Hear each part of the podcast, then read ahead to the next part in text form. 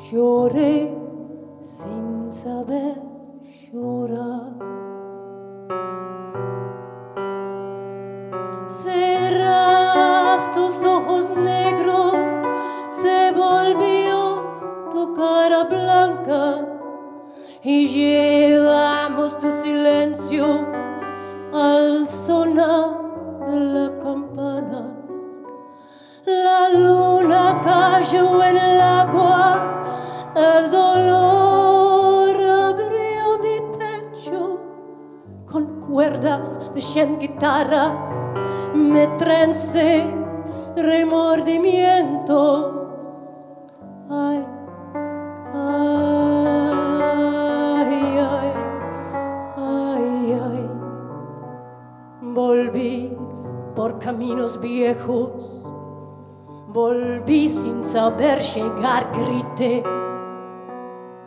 con tu nombre muerto, lloré sin saber llorar. Tristeza de haber querido tu rubor en un sendero, tristeza de los caminos que después ya no te vieron. Silencio del campo santo, soledad de las estrellas. Recuerdo se duelen tanto, delantal y trenzas sueltas.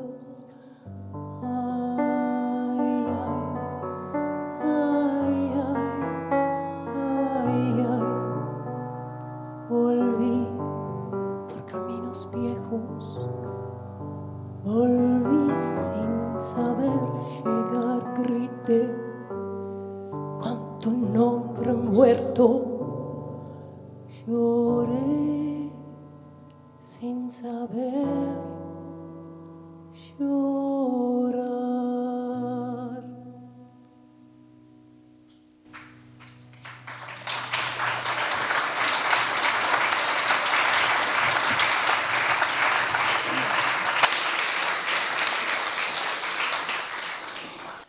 Llegabas por el sendero.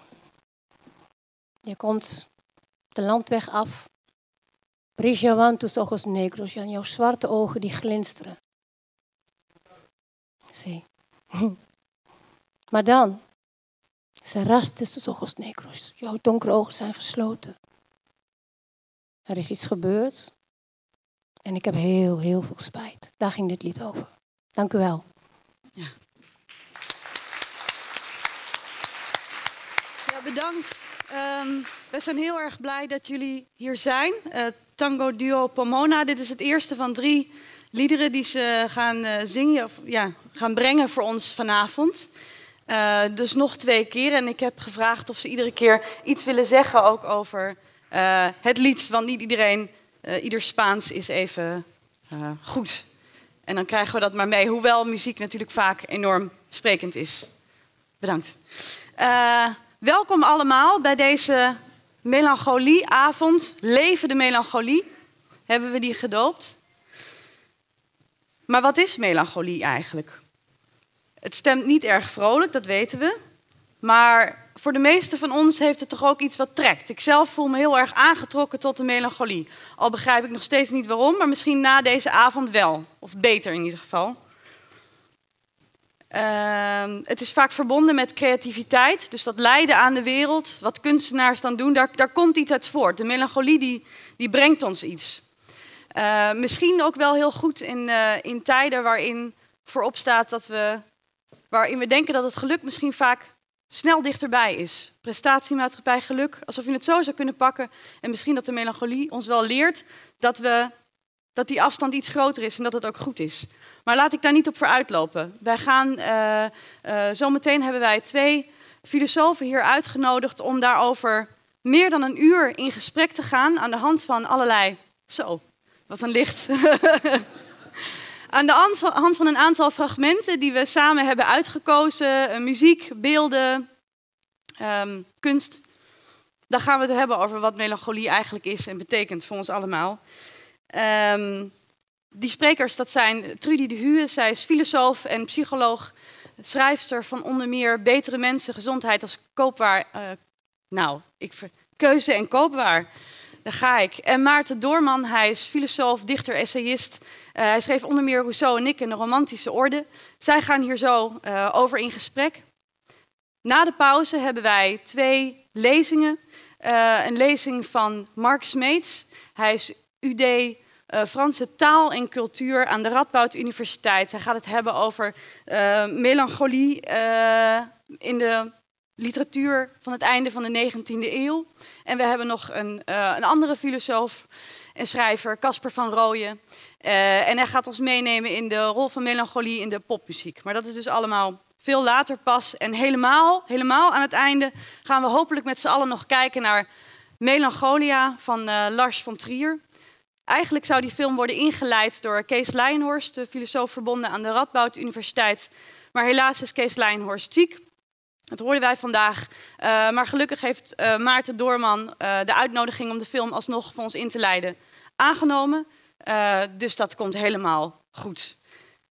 Tot hoe laat duurt de avond? Het is aangekondigd tot één uur. Dat vonden we eigenlijk zelf ook best wel lang. We hebben nog gedacht, moeten we dan een nagesprek doen? Maar ik, ik herinner mezelf nog na het zien van de film Melancholia. Ah, dan, wil je wel, dan wil je gewoon even uh, alleen zijn, het op je in laten werken. Misschien nog met een glas erbij napraten. Maar een echt nagesprek, dat uh, hoeft helemaal niet meer. Dus dat gaan we niet doen. Het zal kwart over twaalf, half één, um, is het dan voorbij met de melancholieavond. En het stemt er weer melancholisch, want we zijn nog niet eens begonnen. Goed. Um, ik wil onze sprekers uitnodigen om te komen zitten. Maarten Doorman, Trudy de Hu. Uh, ja.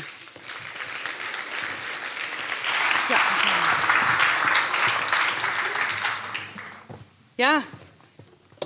Het is wat. We gaan uh, heel lang praten over wat melancholie eigenlijk is. En hopelijk komen we dan iets dichterbij.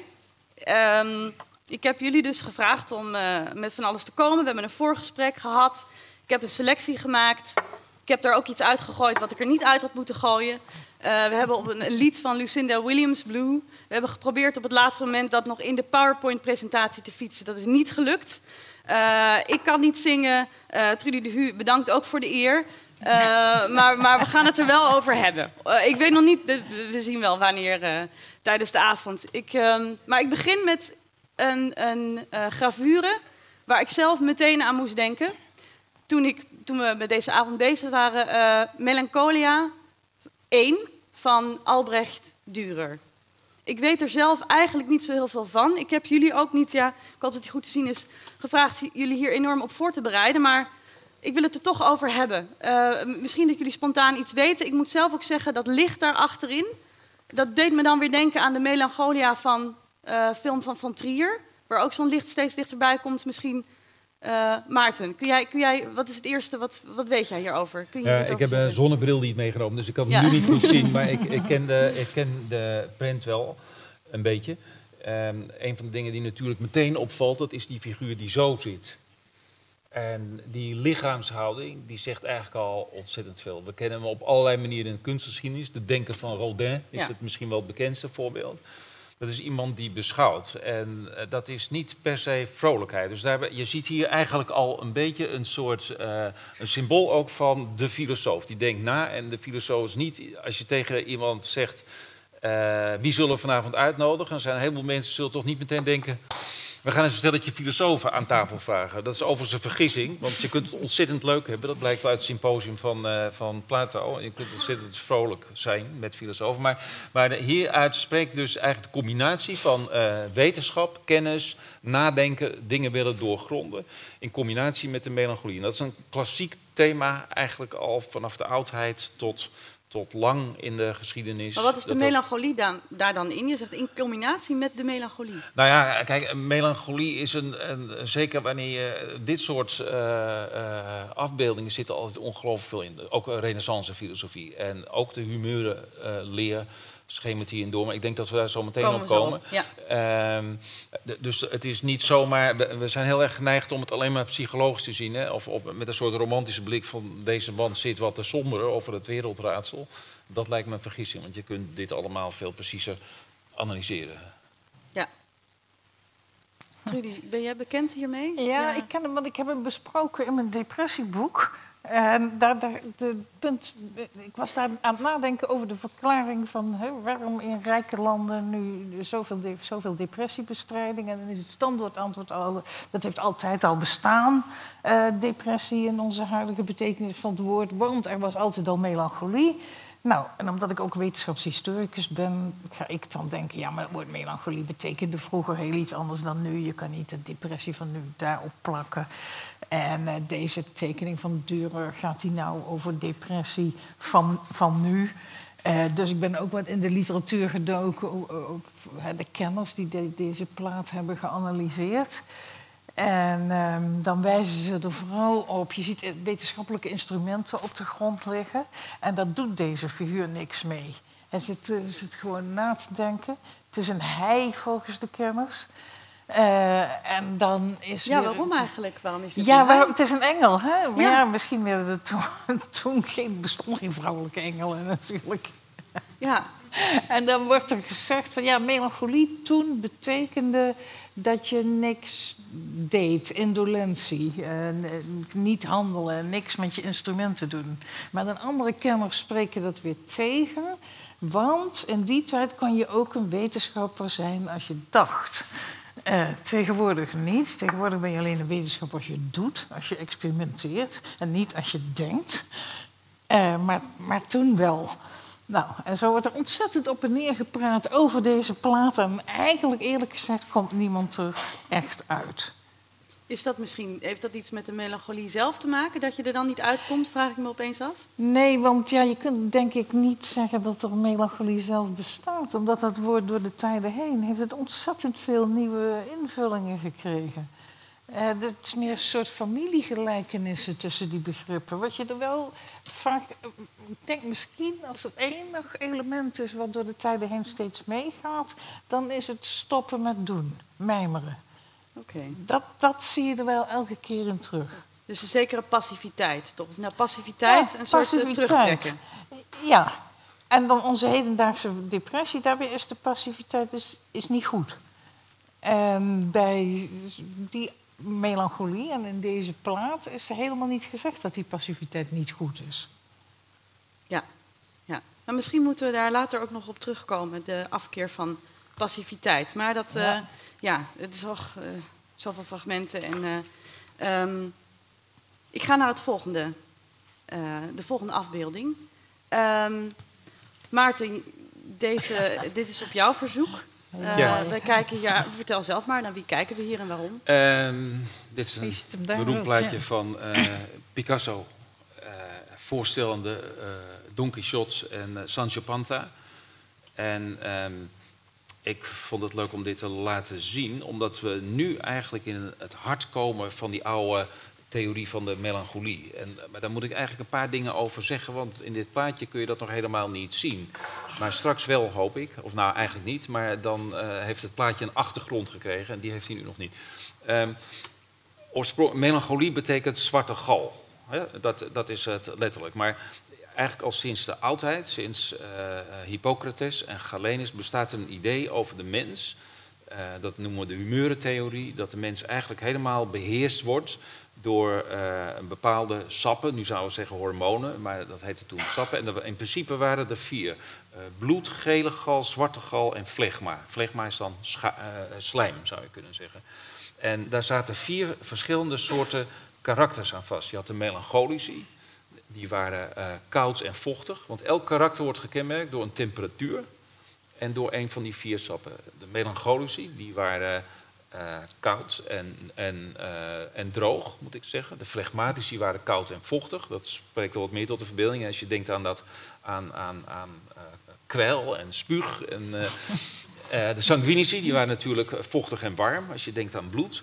Uh, en had je de melancholici, die waren koud en droog. Nou, dat klinkt heel raar en de abstract. Cholerisch, cholerisch hebben die nog Oh, de gehad? cholerici, ja. Ja. goed dat je dat zegt. De, de cholerici, die waren warm en droog. Ja.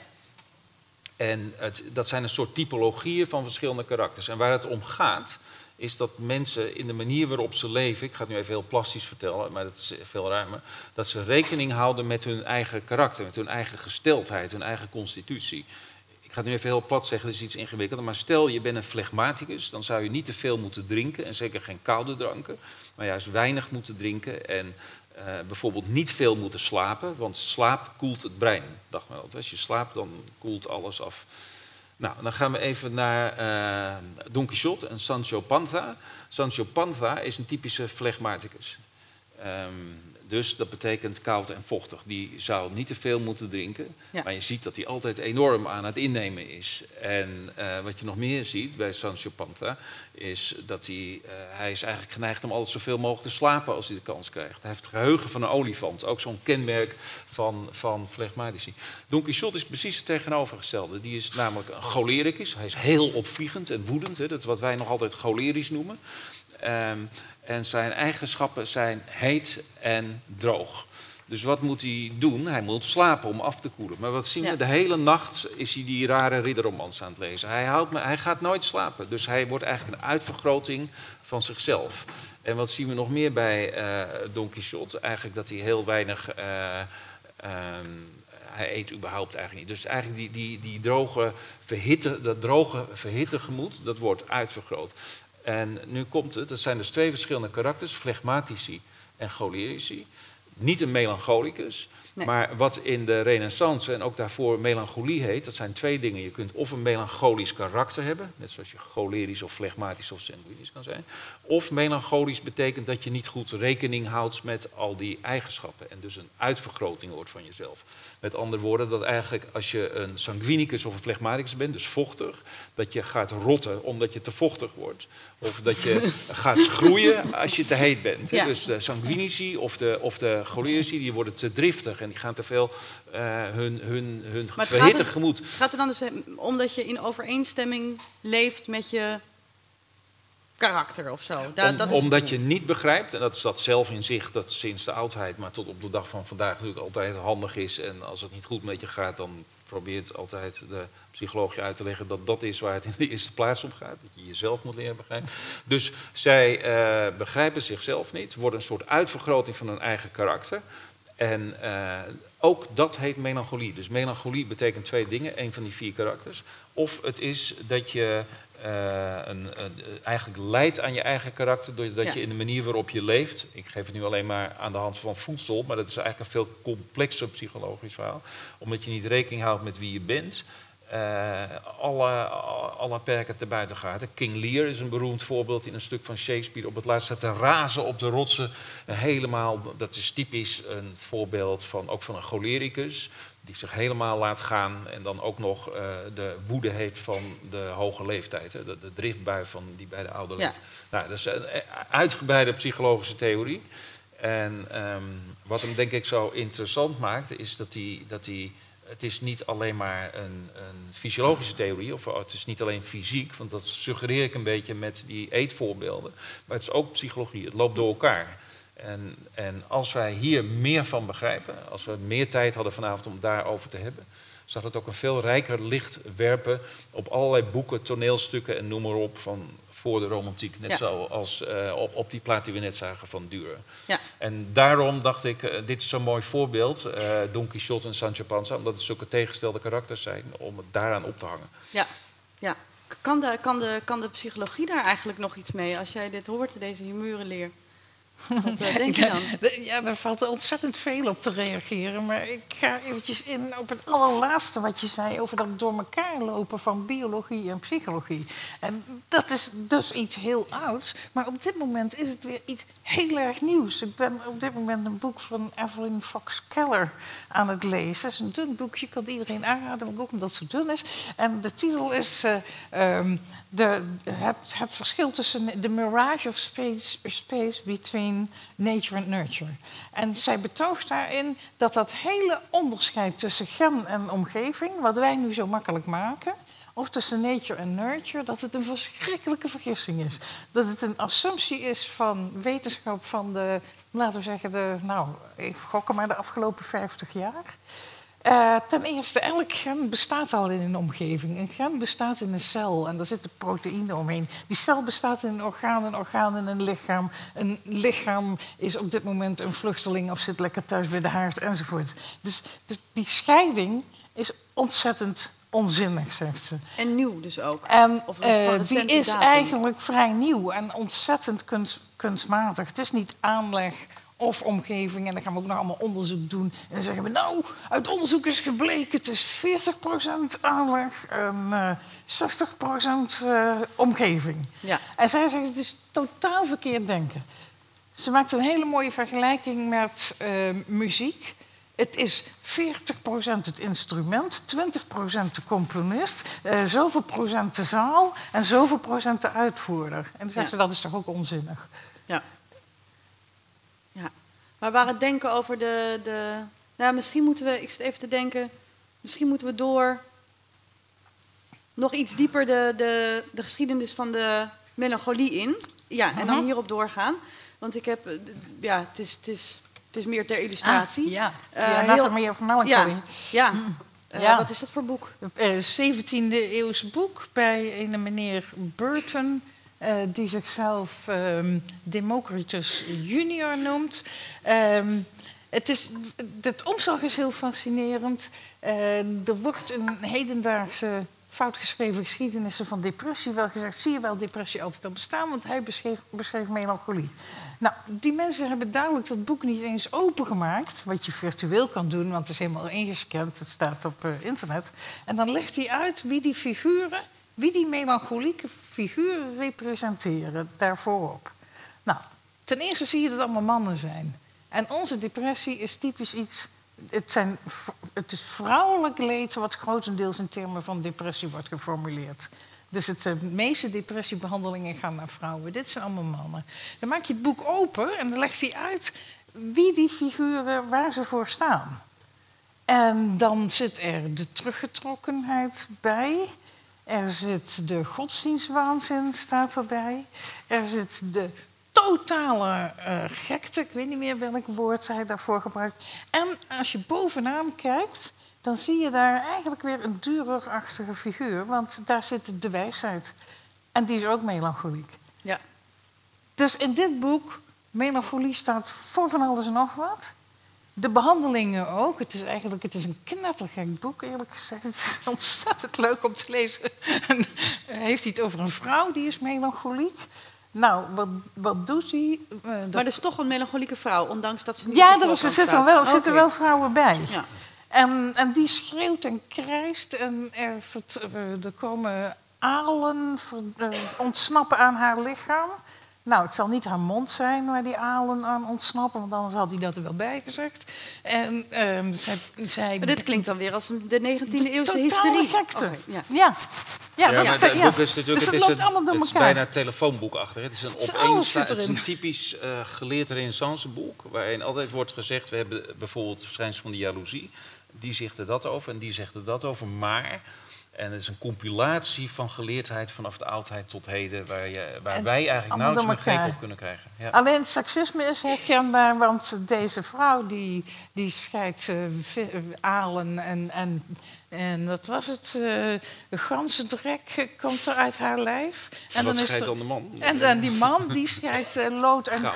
goud, uit en talen die hij nooit heeft geleerd. Dus Ja. En wat leren we daar eigenlijk van over de melancholie? dat je moet beseffen dat eh, de betekenis van een woord schuilt in het gebruik ervan. Ja. ja. Dat het geen eigen betekenis heeft. Nee. Nee, maar eigenlijk is dus dan, als het boek heet eh, An- The Anatomy of Melancholy. En eh, eigenlijk zou je het moeten vertalen met een leerboek of een, een systematiek van de psychische afwijkingen. Omdat die melancholie zo wijd is, op zoveel dingen kan staan, dat het niet meer gaat over eh, depressief of melancholisch of, of dat palet. Het is echt veel wijder. Het is echt gewoon alles. En ook de Ja. remedies is ook alles. En de oorzaken zijn ook alles. Ja. Daarom is het ook zo'n leuk boek. Maar als we beter willen begrijpen wat we vandaag de dag onder melancholie verstaan, dan hebben we misschien niet zoveel aan eh, deze Burton. Eh, nee, dat geeft dan weinig richting. Ja. ja. Ja. Misschien moeten we hem dan maar even achter ons laten en eh, eh, doorgaan naar ehm, het eerste, de eerste afbeelding eh, waar jij mij over mailde, waar je aan moest denken bij melancholie. Ah, Waar kijken we naar? Ja, dat is de hele bekende. Ik denk dat heel veel mensen die die foto wel kennen. Dat is de, de economische crisis in de Verenigde Staten. Foto gemaakt door Dorothea Ja, Lange. jullie denken misschien steeds waar kijken ze naar. We hebben hier een monitor. Oh ja, sorry, ja, je- ik zie hem ja. daar. Ja. Ja. Ja. En ehm, ik kwam op die foto dat, dat toen jij contact met mij zocht hierover, had ik net een boek voor me liggen, eh, The Melancholy of Poverty. En ik vond het mooi dat het woord melancholie met armoede in verband werd gebracht. Ehm, omdat het, ja, gewoon omdat het ook een thema is wat mij bezighoudt, somberheid. En, eh, we hebben zo lang gedacht, het heeft niks met tegenslag te maken. Ja, het zit in je genen, weet je. Dat heet depressie, dat is een ziekte en dat zit in jou.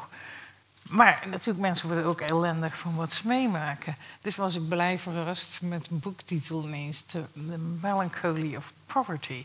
Het boek legt het ook heel erg uit, en er staat dan melancholie als dus een impliciete definitie in van de, de, het onvermogen om nog te handelen.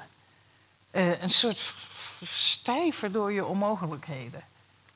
Nou, dat is een heel bijzonder gebruik van het woord melancholie, maar Ja. ik vond het wel ja, Ja, om over na te denken. ja, want dat boek gaat dan over omstandigheden die, die, die melancholisch maken. Dat het bijna... Ja, het eh, is verwant wordt aan het. thema, is een boek Schaarste. En de tit- boektitel is Schaarste, eh, Scarcity in het Engels. En het is van een econoom en een psycholoog. En zij zeggen, mensen met schaarste aan geld zijn eigenlijk identiek aan mensen met schaarste aan tijd. Dus te weinig bezittingen en te weinig tijd. Dat is ongeveer hetzelfde. Het maakt je indolent, het verstijft je. Eh, je kan niet meer denken. Maar goed, we hebben traditioneel natuurlijk ook het beeld van eh, melancholie of depressie als een leisure class eh, verschijnsel. Hè? Dus de mensen die er tijd voor hebben en niks hebben te doen, omdat ze zoveel hebben, die kunnen het zich veroorloven. Maar de armen, die moeten zo hard werken, die... Nou, hier, hier is het dus precies andersom. goed, hè? dus dat Dit soort acteurs ja. verdedigen juist. Eh, en ik doe het zelf in mijn eigen werk ook altijd. Dus dan wordt gezegd, oh, dat is allemaal aanstellerij. En uh, uh, aardse ziekte, kan je een pilletje van nemen enzovoort. Dan zeg ik, laten we eens even gaan nadenken over hoe mensen leven tegenwoordig. En, Ja, nou ja, dus dan komt die omgeving ook weer om de hoek kijken. En hoe we Ja. de samenleving hebben ingericht. We, bijna iedereen heeft schaarste aan tijd. Moet je mijn studenten eens kijken. Het zijn begin twintigers. Die, het is gewoon verschrikkelijk wat die kinderen allemaal moeten. En hoe gejaagd ze zijn. En hoe droevig ze zijn als ze het niet allemaal voor elkaar kunnen krijgen. En hoe ze dan denken dat het aan hun ligt. Ja. Maar nog even terug naar die, die, die foto. Is er ook iets, behalve aan dat je natuurlijk duidelijk kan zien dat dit een arme vrouw is, is er nog iets aan haar of aan haar blik? Of, of, Ja, eh, die, de- wat ik erin zie dan, hè, maar ik denk dat meer mensen dat erin zien. Een, een, een soort verstilling, een soort leegte. Eh, dan kom ik weer op die arm, op armoede nu, dan wordt er vaak gezegd, ja, ze doen er ook niks voor, die uitkeringstrekkers. Nee, legt dat boek The Melancholy of Poverty uit. Ze, ze doen niks, inderdaad, maar ze raken verstijfd. Ze, en daar zie je dus weer die connotatie van melancholie met niet handelen. Wat je in die plaat van Durer ook zag. Die wetenschappelijke instrumenten liggen op de grond. Maar ja, eigenlijk bijna dezelfde lichaamshouding. Hè? Ja. Als ik me, ben, dus ook dat. Maar t- toch denk ik dat als we het over melancholie hebben, na, na de romantiek, dus de laatste 200 jaar, dat we veel eerder geneigd zijn om daar allerlei meer romantische dingen aan toe te kennen, die ook met kunst en met kunstenaars te maken hebben. Terwijl je dit nu eerder, denk ik, depressie zou noemen. hè. Eh, Ja, die, die termen die, die verschuiven. Ja. Ja.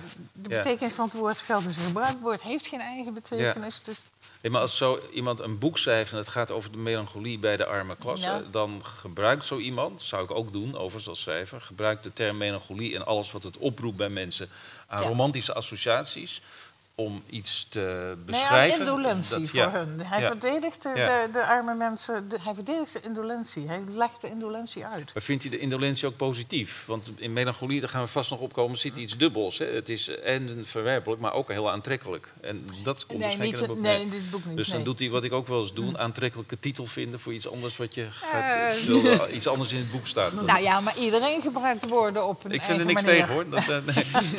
Je, je kunt niet nee, maar mijn punt is dat woord melancholie iets anders is, eh, denk ik, eh, meestal als iets anders wordt gezien dan depressie. Ja, jij hebt ervoor geleerd, dus eh, je kunt dat nu onmiddellijk. Eh, ja, ik, dat- ik betoog inderdaad. Je kunt niet zeggen dat onze depressie altijd al even bestaan als je dan wijst op het woord melancholie. Dat kan niet, want dat woord, die betekenissen die variëren steeds. Eigenlijk het is het vereerd bij, bij Freud, trouwen en melancholie, dat je het woord melancholie, dat het enigszins de betekenis krijgt die wij nu aan depressie hechten. Dat zie je, dat zie je daar, bij Freud. Maar daar betekent melancholie weer heel, juist weer iets anders dan wij eronder verstaan. Want bij Freud is een, eh, iemand die melancholiek is, is eigenlijk niet zo'n prettig iemand in, in dat essay. Dat is iemand die voortdurend eigen waardeloosheid e- eh, etaleert.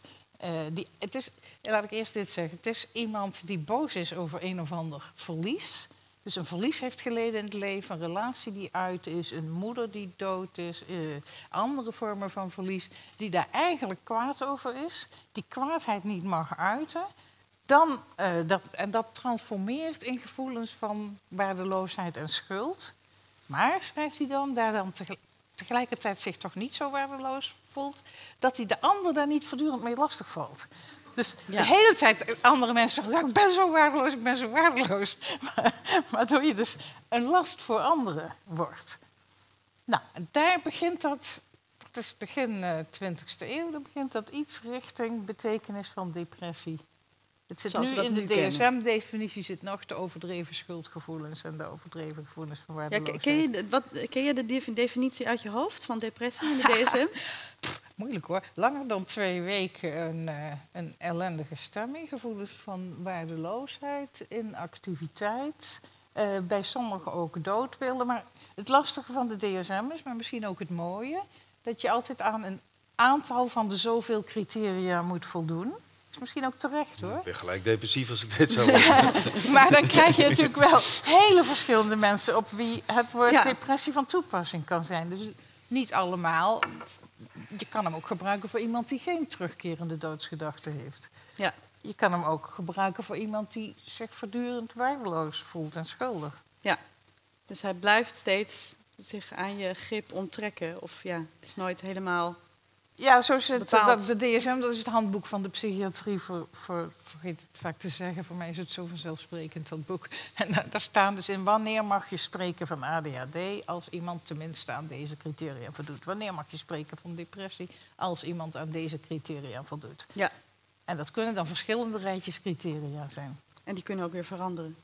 Die veranderen, ja, men blijft nadenken. Ja, ja. Eh, ik wil nog even een flink stuk eh, eh, terug in de tijd. naar misschien wel het beroemdste gedicht over melancholie. Ode on Melancholy, John Keats. Maarten, jij kwam erachter dat je daar ooit een vertaling van hebt ja, gemaakt. Van ik was dat het een beetje vergeten, maar dat is kennelijk toch een hobby van mij, die melancholie. Ja. Het, is- het gedicht is vrij lang om helemaal voor te lezen, maar Nee, het, heeft- precies. Het heeft, het heeft drie strofen, maar ze zijn eigenlijk ook nog wel. eh, eh, dit is moeilijk leesbaar, maar als het leesbaar is, is het ook nog moeilijk leesbaar voor ons eh, eh, nu. Omdat het is tamelijk gedrongen taalgebruik. Met, eh, ik heb geprobeerd daar een vertaling van te maken. Zowel voorstel dat ik alleen het eerste, de eerste strofe lees. Dat is ongeveer eh, dit in het Nederlands.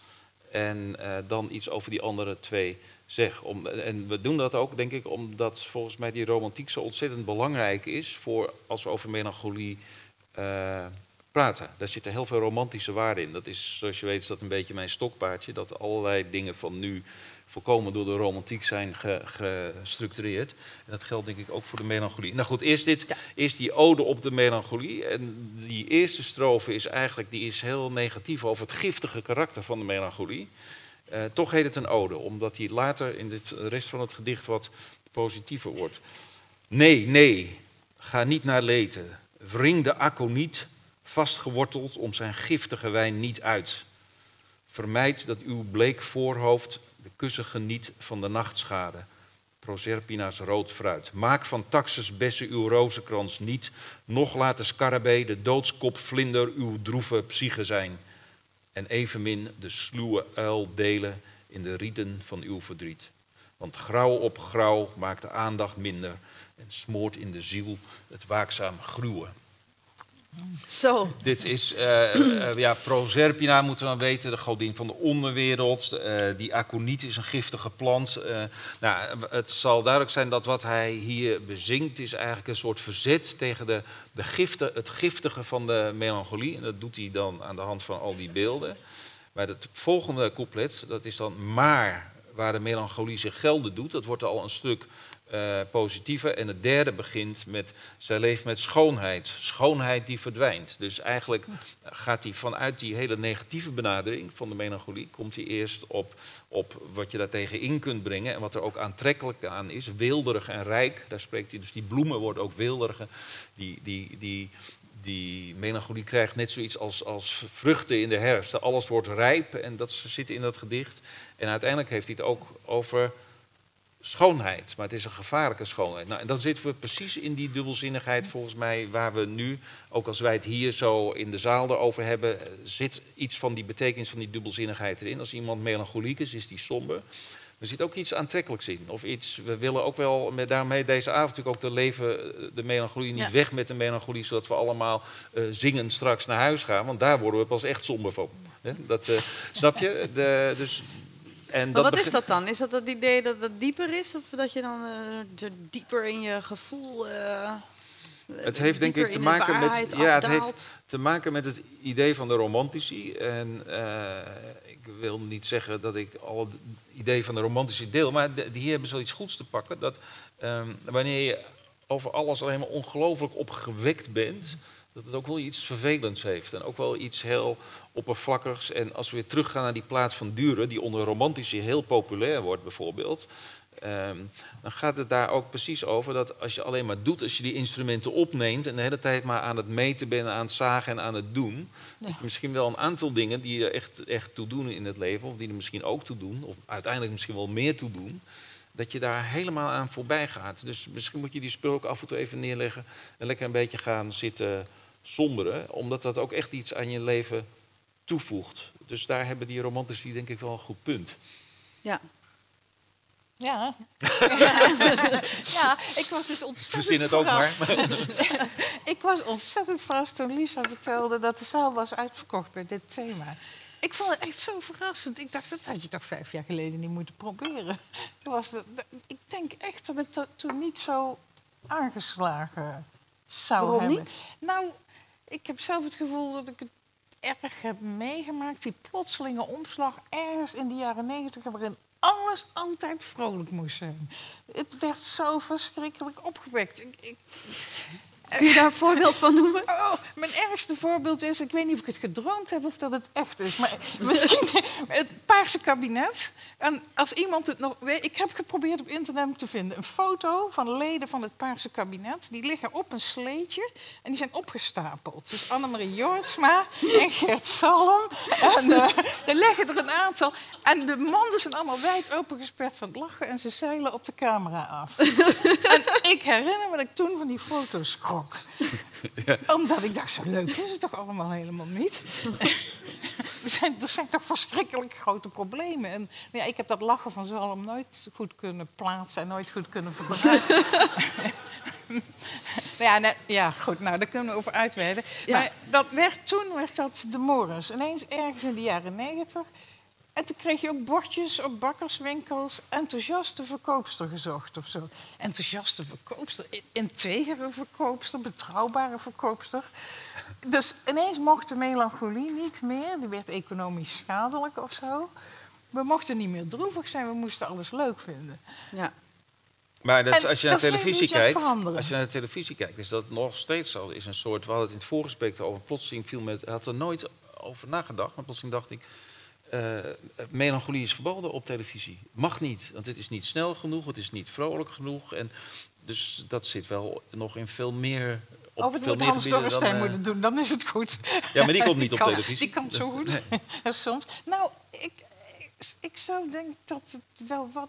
Ik vind, nou ja, nog steeds vaak erg oppervlakkig. Maar er mag bijvoorbeeld ook weer een wijntje gedronken worden. Zie maar, bij Pauw staan er nu weer wijn op tafel. Bij Pauw en Witteman stond er alleen maar water.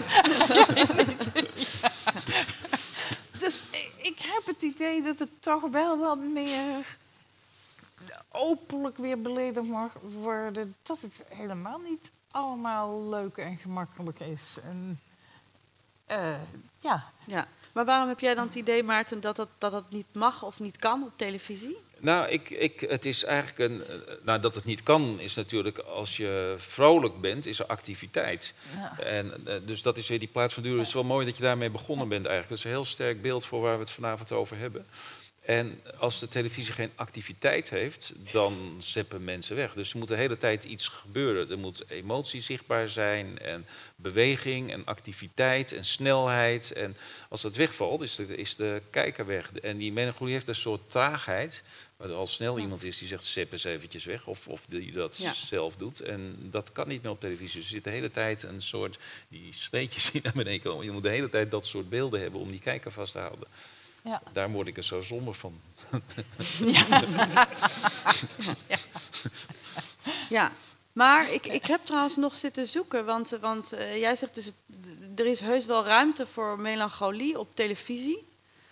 Um, en jij, jij, noemde een voorbeeld van een soort melancholiek moment op televisie. Ik zocht dat, ik heb het, het spijt me, ik heb het niet kunnen vinden. Het was Joop van den Ende bij oh, Pauw. Maar misschien kun je het gewoon vertellen. Ja, nou, ik weet het niet meer, ik heb het jou verteld inderdaad. Maar daar zat Joop van den Ende, die zat daar echt zo'n half, half uur lang droevig te zijn over de dingen die voorbij zijn. En uh, ja, er zat een melancholieke oude man. En ik was echt zo gefascineerd. En de camera ging echt wel steeds naar hem terug, dus het mocht het nog een keer doen. En, en ja, ja, goed, ja. Nou, het loopt allemaal niet zo fijn in de wereld, zat hij. Uh, en het was ook wel gemeend. Ja, vond ik bijzonder. En ik vind het ook fijn, eerlijk gezegd. Want, nou ja, uh, je, je kunt niet alles weglachen. En je kunt niet...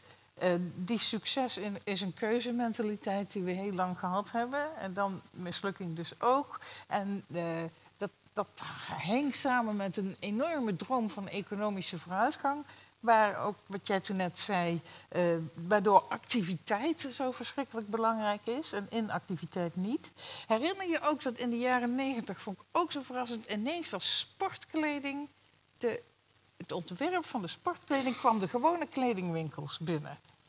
Gewone kleding kreeg je langs de broeken ineens strepen. En, en, en Sportschoenen werden ineens gewone schoenen. Dus alles was bruisend van activiteit. En het was een en al. Ja, maar is het dan bij Joop van den Ende misschien niet ook zo dat juist omdat hij zo succesvol is. Uh, als, als er iemand succesvol is in Nederland, dan is het Joop van den Ende wel. En meestal vertelt hij er met heel veel passie en vuur over. Dat we dan van hem een beetje melancholie. Dat, is, dat gaat dan wel. Maar eh, iemand die dat ja. altijd maar doet, dat, Ja, eh, dat is niet leuk meer. Schadefreude noemen de Duitsers Ja. dat. Leedvermaak. Ja. Misschien, heb ik het misschien had hij gewoon buikpijn hoor. Heb ik het er maar in gezien, omdat ik het zo graag wil. Ja. dat we nou weer wat bedachtzamer worden. Hè? En ehm, nou ja, eh Billie Holiday zong heel vroeger al More Than Glad to Be Unhappy. Het is... eh, Billie Holiday. Ja. Ja. Ja, Ja. nou wil ik het gaan zingen, maar dat moet ik Ja. niet doen. Ja. En er zit ook iets in. Er zit ook iets na, nadeligs in. Altijd maar naar uitbundig, altijd maar uitbundig te moeten zijn. En er gebeuren toch ook ontzettend veel dingen in het leven die mislukken, die, die ellendig zijn, die met ziekte en, en verdriet te maken hebben. Ja. En daar moeten we toch ook bij stil mogen kunnen staan. ja. Tijd voor een liedje, denk ik. Dat, eh, eh, ja, daar gaat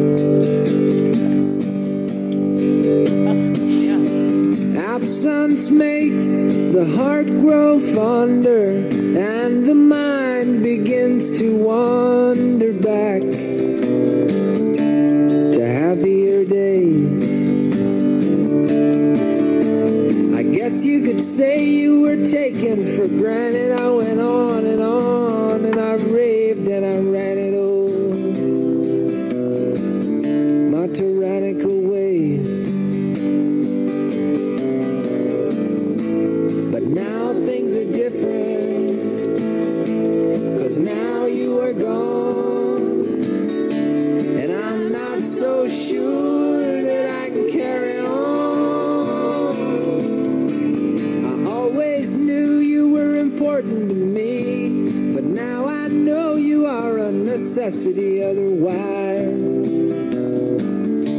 Start to go insane.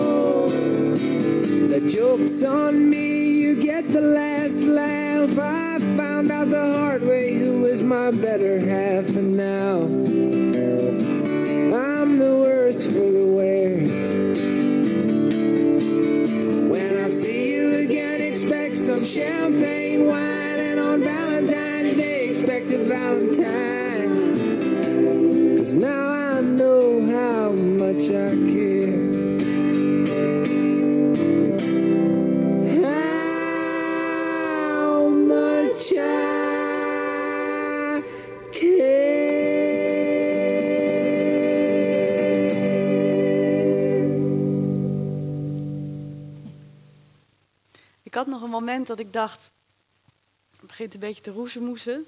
Misschien moeten we maar stoppen ergens op de helft of zo. En toen dacht ik, nee, dat is dan weer typisch dat snelle. Laten we ook maar gewoon lekker helemaal uitluisteren met z'n allen. Met het even terzijde. En ik wist niet hoe ik het zou moeten doen, dus dat hielp ook niet mee. Ehm, Ik denk dat het Roezemoes ook is omdat heel veel mensen het lied kennen. Het is een heel bekend eh lied. waarom heb je het uitgekozen? Oh, ik vind het zo lekker droevig. Ik ben, eh, het is Lauren Wainwright die weer spijt heeft van hoe hij de relatie met Anne McGurkle heeft verknoeid. Heeft hij heel veel liedjes van. En- en ik vind het gewoon een heel mooi lied. En ik doe graag karaoke in de auto, als ik, alleen als ik alleen ben. En dit, Ja, dat telt niet. en dit lukt me niet. Dit kan ik niet nazingen. Ik voelde me erg getroost. Moet je eens op YouTube eh, dit liedje opzoeken. Dan zie je allemaal 60-plussers met een gitaar die het nazingen. Het is verschrikkelijk. Ze, ze kunnen het niet. Het is heel moeilijk zingen dit. Ja.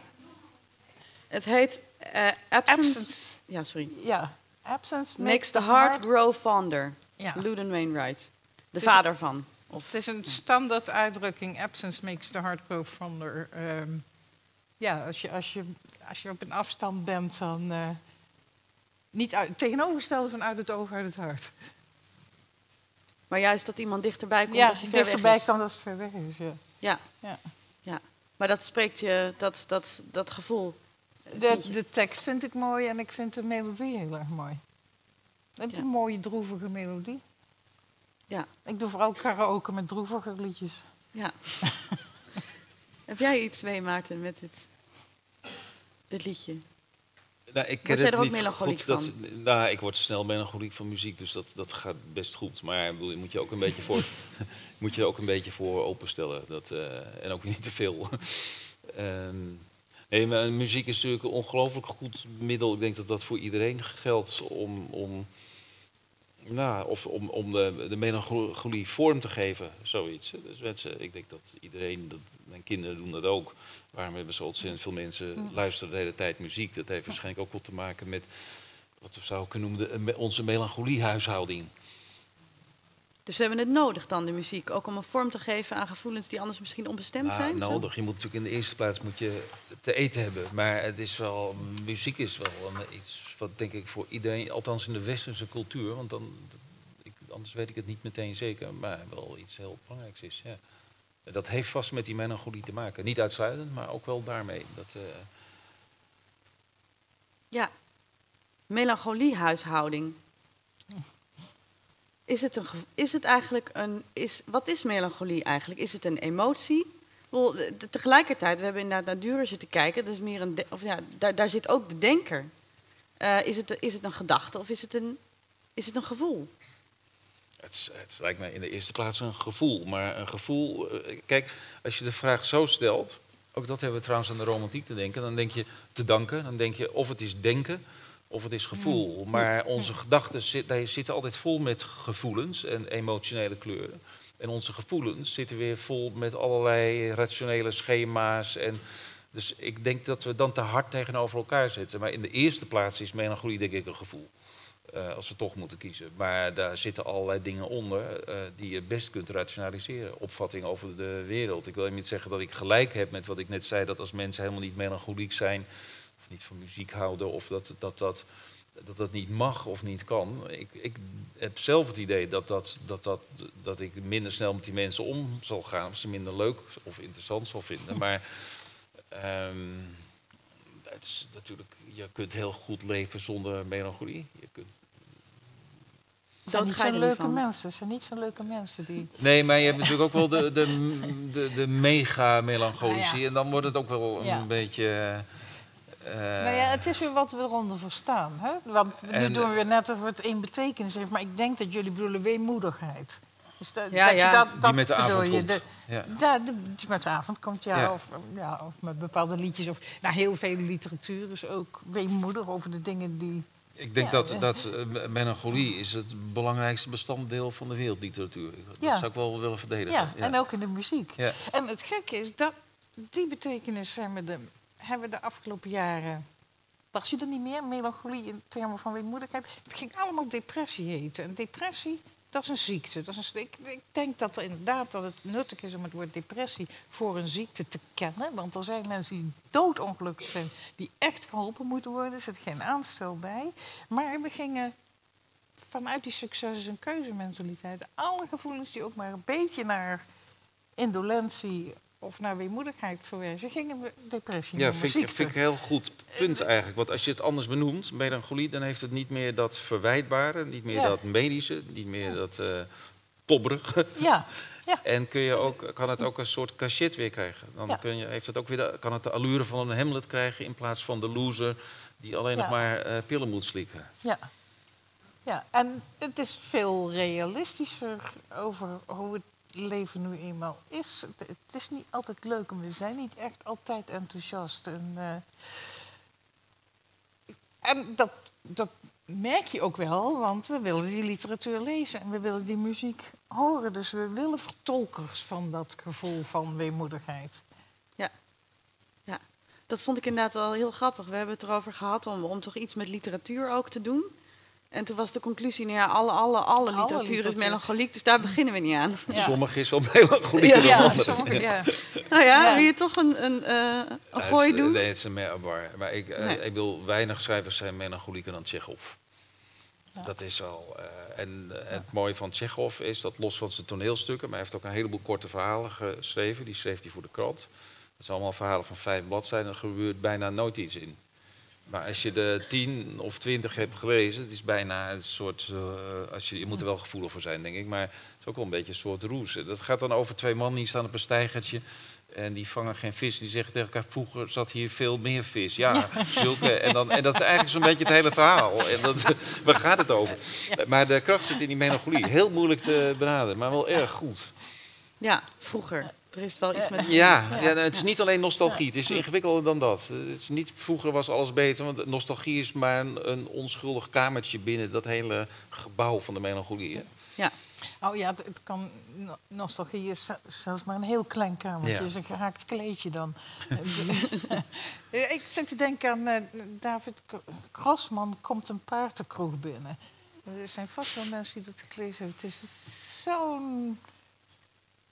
Ja, een prachtige melancholieke jammerklacht is dat boek.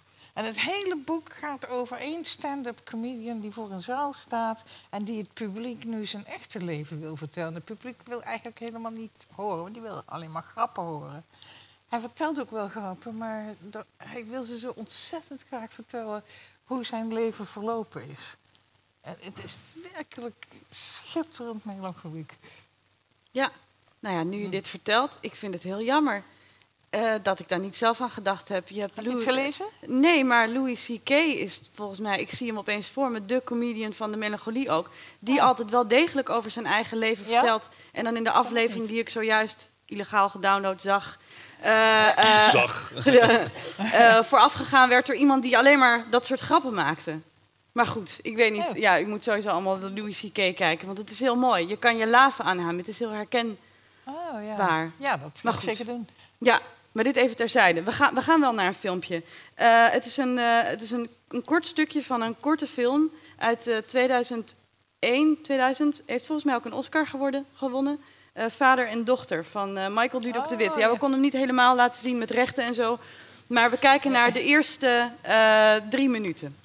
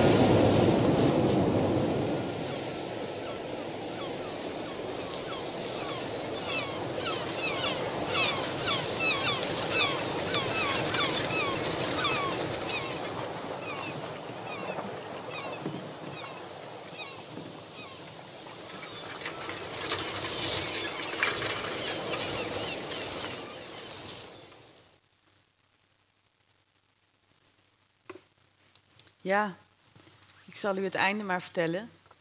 Ehm, ze blijft gaan, ze wordt steeds ouder.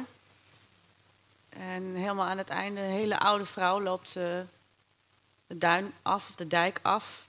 Het water is niet meer, het water is zand. En er ligt dan een bootje gezonken. Dus daar is haar vader al die jaren geleden al gestorven.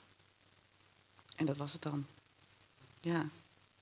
Waarom is dit nou de melancholie puur zang of zo? Ja. Ook wel omdat het is, zijn maar een paar lijntjes. En het is helemaal niet vet aangezet. Het is niet een EO-helpprogramma. Vertelt u nog eens hoe erg het was toen uw vader... En hij is nooit meer teruggekeerd, hè? En eh, hoe was het nou al die jaren? En, eh, maar het is gewoon zo sec. Als je weinig laat zien, doe je een groot beroep op de verbeelding. Dus dat is inderdaad, da- daardoor werkt het, denk ik, goed. Ik weet trouwens niet of het bij iedereen werkt, maar bij mij werkt het ook wel. Eh, dus dat zijn die paar rijntjes van ja. Ik denk dat geluid ook belangrijk is. Die meeuwen, dat is natuurlijk, Ja. eh, zijn aantal is heel weinig geluid, maar ook dat roept meteen wel een aantal melancholieke associaties op. En het gegeven. Het is wel goed dat je het vraagt, want we hadden het net over, is het nou een gevoel of een, het is een, een gevoel. Eh, je hebt het gevoelsmatig uitgekozen, vermoedelijk.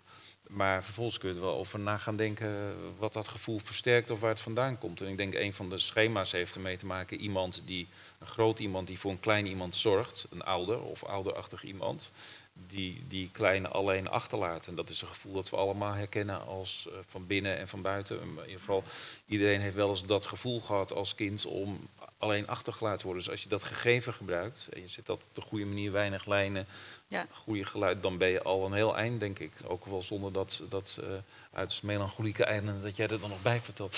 Ja. Maar dus je zegt ook omdat we ons allemaal, we kunnen ons erin verplaatsen. Dit hoeft niet precies ons verhaal te zijn, Ja. maar we begrijpen allemaal. eh, Als je weinig zit. laat zien, doe je een beroep op de verbeelding, Ja. waardoor je ook moeiteloos je eigen, en nog geen eens expliciete verhaal, maar je eigen gevoelens daarin kunt, eh, kunt herkennen. Veel zwart-wit trouwens, hè? Valt me nu op. Dat is misschien niet heel gek, maar duurder. Zwart-wit. Oh, Picasso, zwart-wit. Dit. Oh ja, Zwart-wit. inderdaad. Ja. Overigens denk ik dat dat einde, dat was ik helemaal vergeten. Dat, ik kende het filmpje, maar ik was het einde gewoon vergeten zelfs. Ik was het ook vergeten. En, en, en het heeft het niet eens nodig. Nee. Het is ook dat barre landschap en dat doorzetten tegen die wind in met je wapperende haren. En ja, ik, ik denk eerlijk gezegd dat we vrijwel iedereen zijn leven zo wel eens ervaart. Maar het is dus niet zwartgallig ook alleen, hè? Nee. want je ziet zo eens op de fiets en het heeft ook wel iets vrolijks. Dus het is die ja, het is dubbelheid. en die tegenwind. en- die dubbelheid die zit volgens mij in, Ja. die, in die melancholie, dat ambivalente. Ja. Ja, ja. Want anders was er wel op een gegeven moment, eh, had je iemand aan een boom zien hangen, ik noem maar Ja. iets. Of eh, Ja. nog iets ergens. Nou, het is hetzelfde als in dat lied van Billie Holiday, More Than Ja. Glad to Be Unhappy.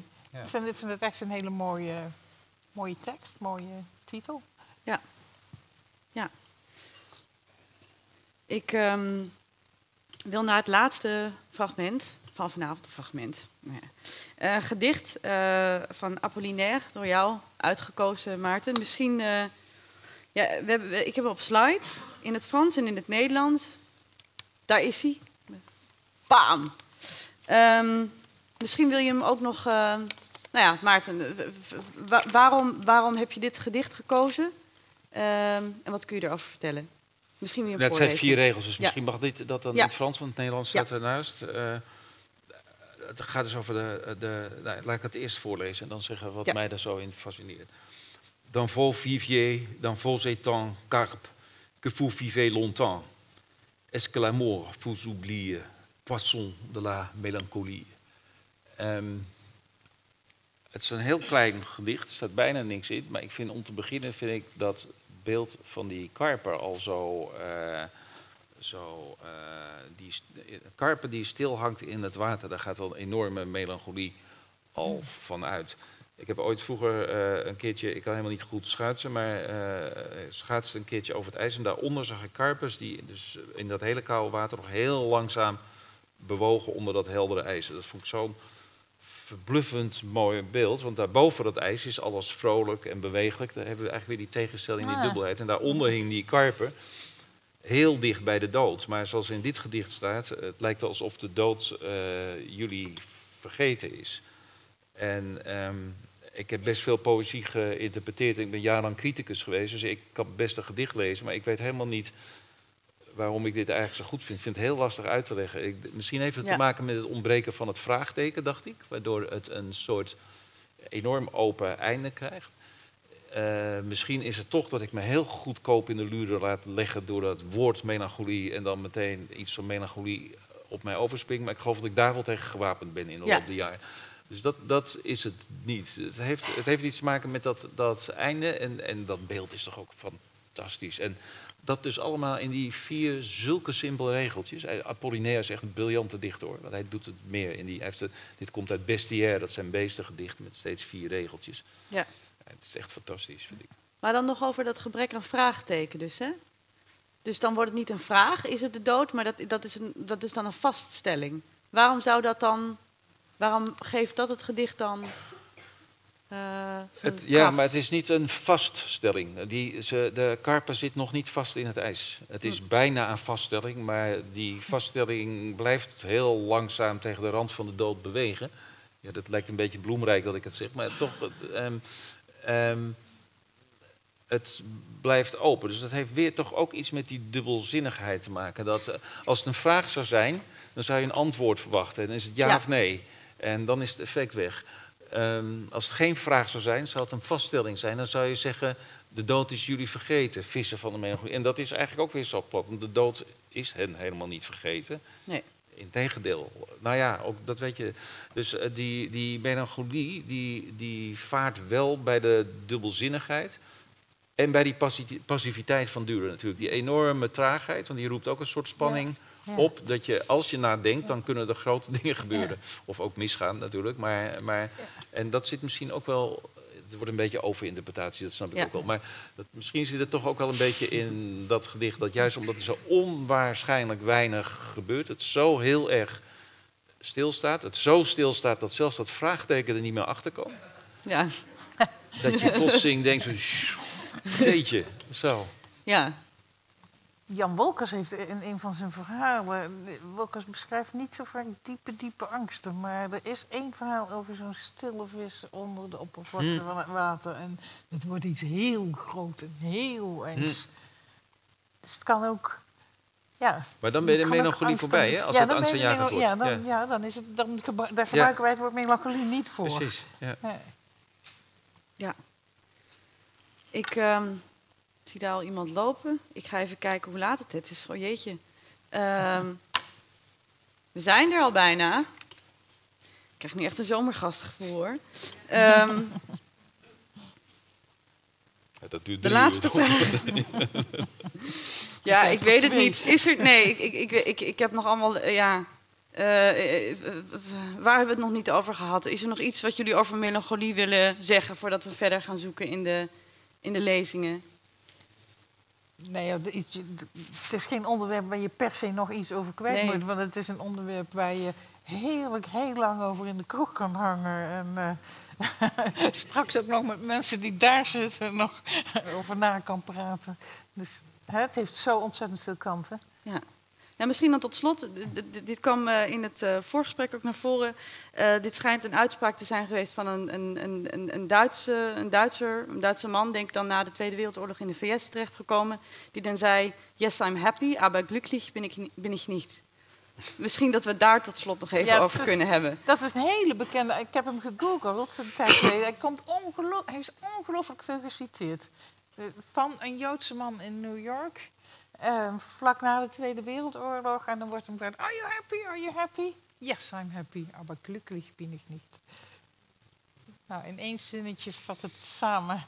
Ja. Het verschil tussen Nou, dan hebben we echt de, de, melancholie van de diaspora. Hè? Het verspreiden van het Joodse ja. volk. En eh, wat je ook onder immigranten natuurlijk heel veel hebt. Een soort melancholie. Ook weer iets anders dan nostalgie. Ja, dat is ook de vluchtelingenmelancholie, denk ik. Het niet meer thuis zijn. Nou, wat actueel. Ja, wat Ja. actueel.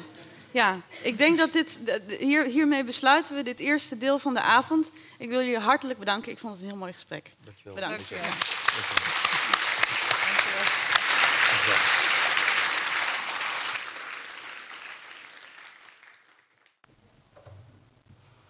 Hoy vas a entrar en mi pasado. Vandaag stap jij mijn verleden in. Hoy nuevas sendas tomaremos. Vandaag nemen wij nieuwe wegen. Que grande ha sido nuestro amor. Wat was onze liefde toch groot. En mira, mira lo que quedó. Kijk wat er van over is. Niks.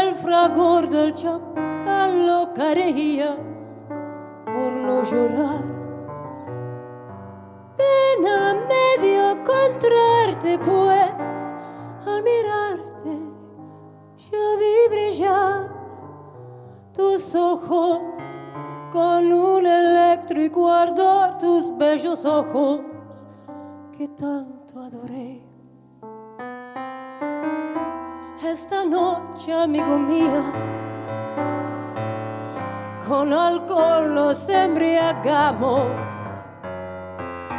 ¿Qué me importa que se rían?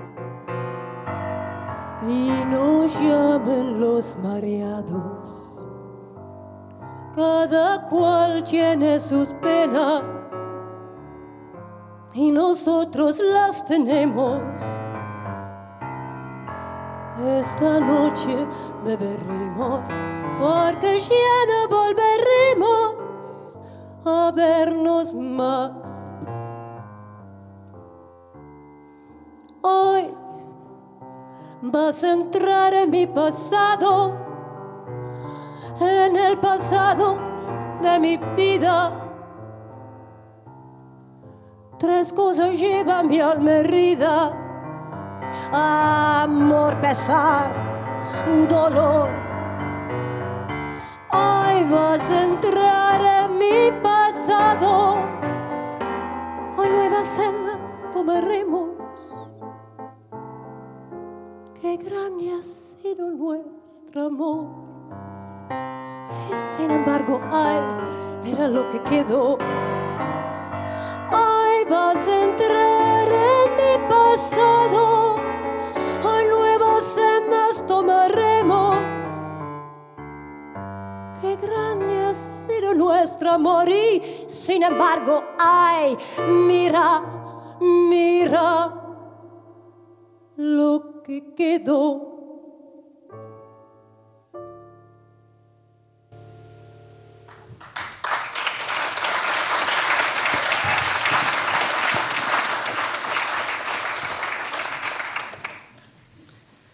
Bedankt. We zitten meteen weer eh, in de juiste stemming. Ehm, ik wil Mark Smeets uitnodigen om iets te komen vertellen over melancholie in de Franse 19e-eeuwse literatuur. Eh, dat, zal ik, eh, dat zal ik zeker niet doen. Eh, ik, ik wil iets anders met jullie doen. Ik wil het met jullie goedkeuring vandaag hebben over deze prachtige naam, Auguste de Villiers de l'Île Adam. En zoals jullie kunnen zien, eh, deze schrijver is geboren in de 19e eeuw. Eh, er werd straks al gezegd, eh Mark Smeet, zijn voorkeur, die behelst de 19e eeuw. Dat klopt. Dat is eigenlijk dus saai dat ik dit eigenlijk nu beaam. Maar ehm, ik wil er eigenlijk meteen bij zeggen, van, eh, wat, wat, wat Luther eh, zelf ook zei, ja, ik kan niet anders. Eh, ik kan in dit geval niet anders. Voor mij is de 19e eeuw een soort van eh, warm bad. Ik ga af en toe wel eens een beetje kijken bij de 20e eeuw, bij de 18e eeuw, bij de 17e eeuw. Maar dan uiteindelijk kom ik toch altijd weer terug bij de 19e eeuw. En daarom dacht ik toen aan mij gevraagd werd van nou, zou je wat willen vertellen over een favoriete tekst die dus gaat over de melancholie? Toen heb ik eigenlijk niet lang nagedacht van, tuurlijk, 19e eeuw. Maar toen dacht ik ook meteen aan deze auteur, Ehm, deze auteur, ik denk zeg maar dat bij de meesten onder jullie deze naam niet zo heel veel zegt. Dus daarom dacht ik van nou, ik zal hem eerst proberen eh, de tijd en de persoon een beetje te schetsen. En daarna gaan we eh, naar een van mijn favoriete korte verhalen eh, uit de Franse literatuur. En ik zal de besluiten met een klein stukje uit die novelle. En u zult begrijpen dat ik dus nog steeds niet weggeef hoe die novelle heet. Goed, ehm, melancholie en literatuur. Nou, er is straks tijdens uh, het, het, het, het, interview, zeg maar, tijdens het vraaggesprek, is daar natuurlijk al het een en ander aangestipt. Ik zal ook proberen om alle doublures hier uh, te voorkomen. Uh, maar als je dus zegt 19e eeuw en je hebt het over melancholie, dan denk je dat is een goede match. Ik denk ook wel dat het zo is. Maarten beaamde het straks al hè, toen hij de romantiek aanhaalde. Nou, je hebt eigenlijk een soort van verlengstuk van die romantiek in de tweede helft van de 19e eeuw in Frankrijk. Sommige mensen noemen dat zeg, de postromantiek, anderen noemen het zeg maar, de decadente schrijvers, de symbolisten, et cetera. We gaan hier niet uh, uh, uh, ja, een, een, hele discussie houden over welke benaming het beste past. Maar ik denk wel zeg maar, dat ik met een zekere mate van, van ja, nou, ja, eigenlijk moet ik gewoon zeggen inderdaad, zeg maar, dat het een perfecte match is in de 19e eeuw. Ik heb twee kleine voorbeeldjes, zeg maar, twee tappatjes, zoals u wilt, heb ik gekozen om te laten zien zeg maar, van waarom is die 19e eeuwse literatuur en um, die melancholie nou zo'n mooie match. Nou, er zijn hier vast een hoop poëzieliefhebbers en ik moest toch in ieder geval eventjes denken aan deze uh, beroemde zin. Hè. Il me semble. Ik ben trouwens ook heel blij, Maarten, dat je straks ook met Frans begon, want daar voel ik me niet zo bezwaard om af en toe wat Frans uh, er doorheen te gooien. Hè. Il me semble que je serai toujours bien là où je ne suis pas. Hè, dat is een uh, van die beroemde regels uit het proza-gedicht van Baudelaire, Anywhere Out of the World, waar dus zeg maar het begin, die vergelijking wordt getrokken, hè, dat het leven een ziekenhuis is. En iedereen wil eigenlijk beter worden in het ziekenhuis. De een wil het liefst dicht bij de kachel liggen, de ander wil het liefst dicht bij het raam liggen, om maar beter te worden. Maar eigenlijk worden we zeg maar, in dat ziekenhuis worden we niet beter, we moeten eruit. We moeten weg. En ik denk dat dat het motto van vanavond is, dat weggaan, hè, dat is iets zeg maar, dat in die 19e eeuwse Franse literatuur uh, terugkomt. Ik heb ook nog een andere, een, een, een bekend citaat, denk ik, hoop ik. Dat is... Uh, een befaamde dichtregel uit het uh, gedicht van Paul Verlaine, Langueur. Ah, tout est bu, tout est mangé, plus rien à dire. We hebben alles op. We hebben gegeten, gedronken, gelezen, geschreven. Wat blijft er nog over? Ja, eigenlijk valt er helemaal niks meer te zeggen. Alles is eigenlijk al gezegd. Ook dat is denk ik een hele mooie uh, benaming zeg maar, van wat melancholie zou kunnen zijn, zonder dat we daar echt een etiket op gaan plakken of zonder dat we echt gaan richting een definitie, want dat is straks ook al aangegeven. Het is heel erg lastig om dat te duiden. Het is meer een soort van gevoel en dat gevoel dat, dat kent eigenlijk zeg maar, heel veel bronnen. Het, het, het raakt aan heel veel vlakken. Uh, daar zullen we het vanavond ook niet over gaan hebben. Dus je zou dat zeg maar er zijn boekenkasten over volgeschreven wat het zou kunnen zijn. Nou ja, goed, het heeft natuurlijk een historische lading. Hè. Eh, Frankrijk, 19e eeuw, is natuurlijk een maatschappij die in een gigantische stroomverstelling zit.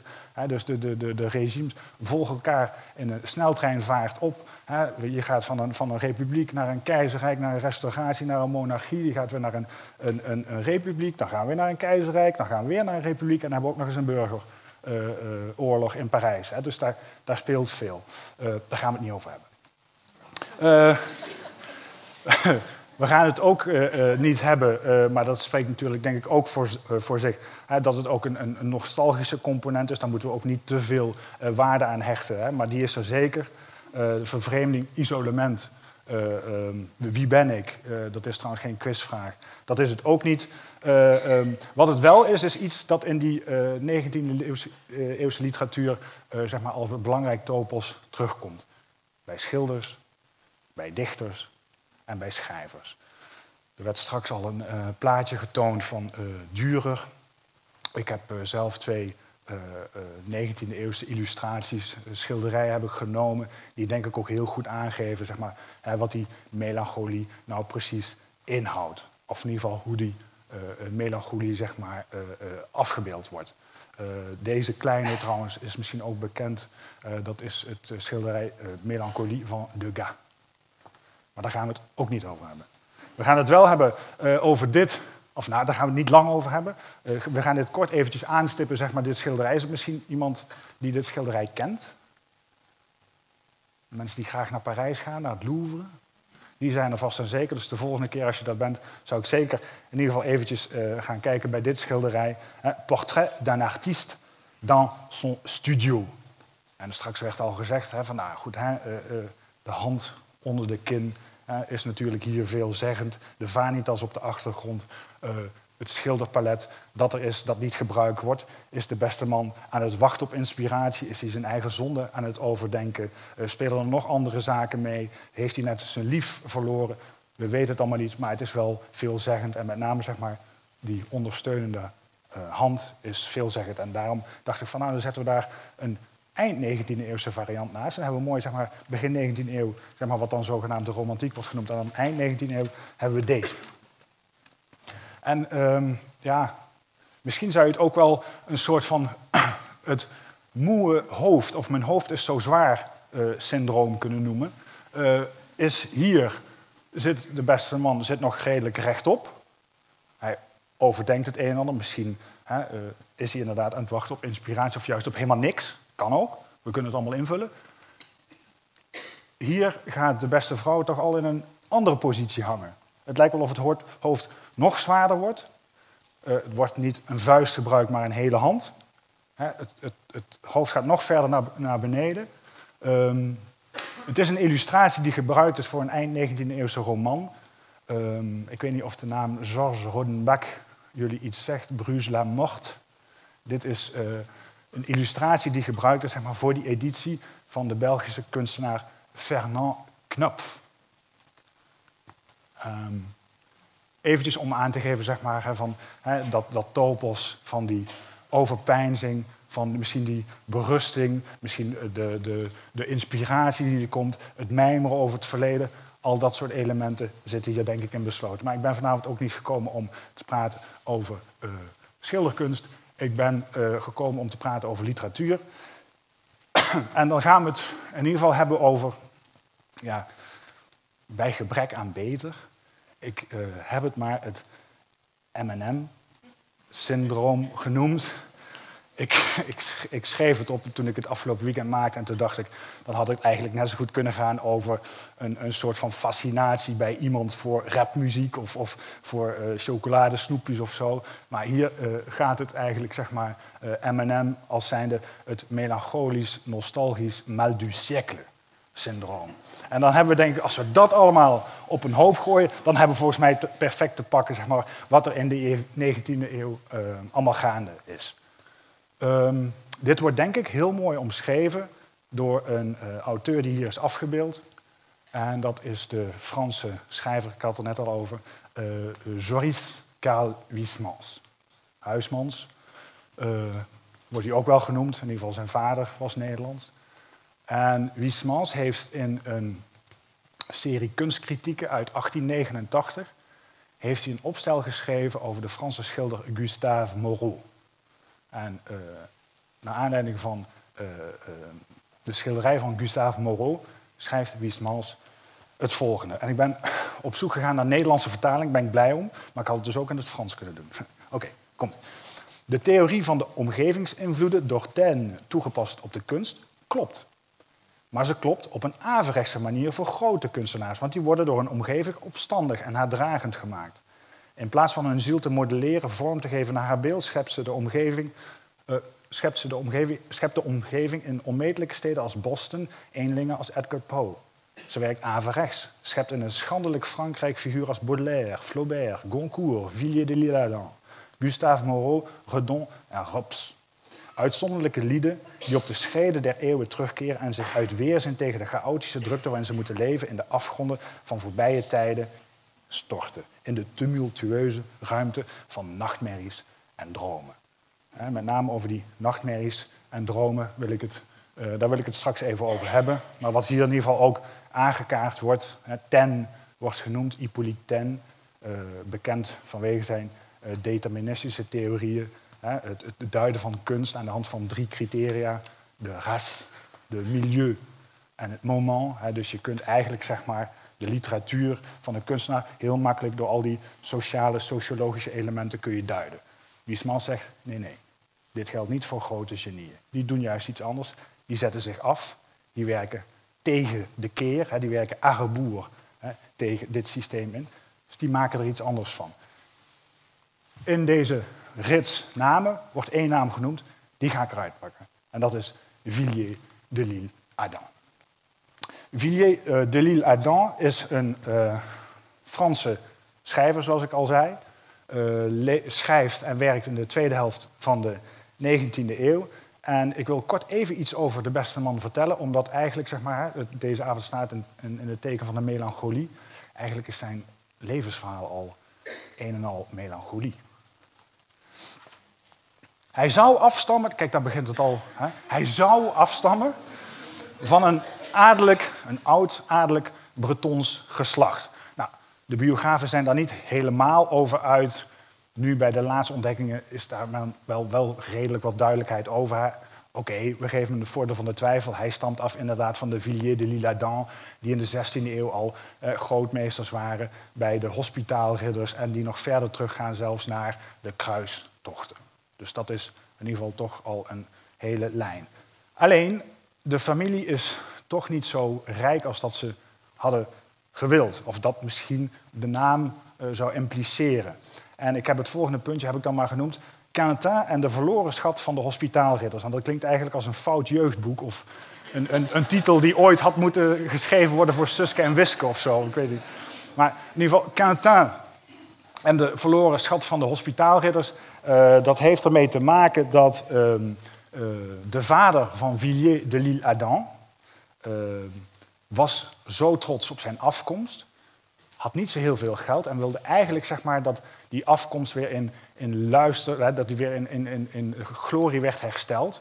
Dus hij ging eigenlijk op zoek naar een schat die tijdens de Franse Revolutie, een schat van de hospitaliërs, die tijdens de Franse Revolutie in de buurt van Quintin in Bretagne begraven zou moeten zijn geweest.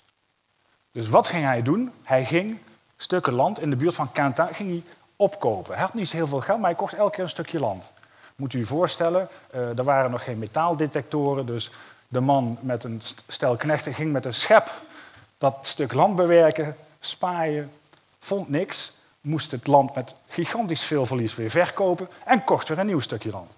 Enfin, dit kun je natuurlijk tot in de treuren uh, doortrekken. Hij ging eigenlijk zo goed als failliet en zijn zoon kon fluiten naar zijn toelage.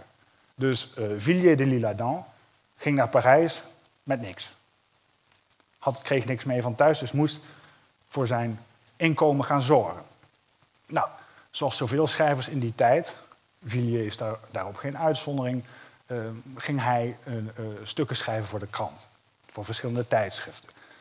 Maar hij ging ook bijvoorbeeld, hij, het was een sportieve man, hij ging ook bokslessen verzorgen. En zijn biograaf Alain Red heeft zelfs de anekdote verteld dat hij met het lumineuze idee rond zou hebben gelopen in Parijs om, hij schreef ook gedichten namelijk, om gedichten in een kooi met tijgers te gaan voordragen en dat de mensen die dan zeg maar, dat wilden zien, die moesten dan betalen. Nou, uiteindelijk hebben zijn vrienden gezegd van dat lijkt me geen goed idee. Dat is er ook uiteindelijk niet van gekomen. Hij is daarna zeg maar, bij een eh, begrafenisondernemer ook nog gaan werken. In ieder geval, hij deed dus alles om zijn geld maar te verdienen.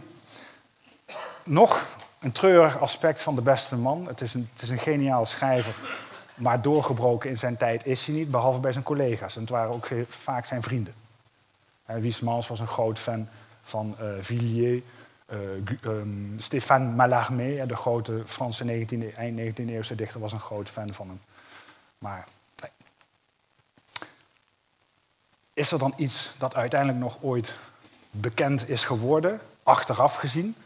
Ja, misschien wel zijn korte verhalen, gebundeld in 1883 onder de naam Conte Cruel. Ja, die zijn redelijk verkocht en misschien voor de mensen die toch echt een beetje Villiers uh, achter in hun hoofd hoorden rondzingen, dacht van waar ken ik die van? Misschien van Lève Futur. En Lève Futur is uh, een roman, zeg maar, um, waarin een, een, man zijn vrouw eigenlijk zeg maar, wil vervangen, perfectioneren, want hij vindt haar een beetje saai roept de hulp in van Thomas Edison. En Thomas Edison gaat eigenlijk een duplicaat van haar maken, maar dan veel beter. Eigenlijk een soort van vrouw-machine eh, eind 19e eeuw. Daar komt trouwens ook voor het eerst de term androïde voor. Hè. De- Denk maar aan het Android. Goed, eh, wat ik al zei, ehm 19e eeuw is een eeuw zeg maar, die ja, natuurlijk in het teken staat van die melancholie, maar is ook een eeuw die in het teken staat van heel veel eh, vooruitgang op wetenschappelijk eh, gebied. We hebben straks het determinisme genoemd van Taine. We zouden hier ook het positivisme kunnen noemen van Comte. Dus zeg maar alles in het teken van de, de wetenschappelijke vervolmaking. Daar zijn ook wat schrijvers die daar toch hun kont tegen de krip gooien en juist zoeken naar datgene wat niet meteen door de wetenschap verklaard kan worden, maar dat hè, zeg maar, eigenlijk zeg maar, die wetenschap ontstijgt, het leven ontstijgt. Villiers is iemand die eigenlijk in zijn werk ruimte inruimt voor ja, eigenlijk het spirituele, het mystieke, eh, het bovennatuurlijke. En dan kom ik bij mijn verhaal van vanavond. En dat heet Vera. Ehm, we zouden ook gelukkig kunnen zeggen eh, Vera, want eh, het is vertaald, maar daar kom ik straks nog op terug. Vera is een verhaal uit 1874. eh, is uiteindelijk dus opgenomen in die Conte Cruel in 1883. En is een fantastisch verhaal. En ik bedoel hier fantastisch in de dubbele betekenis van het woord. Enerzijds is het een van de mooiste verhalen die ik zelf ooit heb gelezen. Het is vier A4'tjes. Dus dat is te doen. Dat is zeker te doen. Ah, ja, dat dacht ik ook. Ja, ik dacht, ik zal, ik zal niet met het verzamelde werk inderdaad eh, komen. Eh, van de andere kant is het ook een fantastisch verhaal in de zin natuurlijk eh, die de eh 18e en 19e eeuw daaraan heeft gegeven.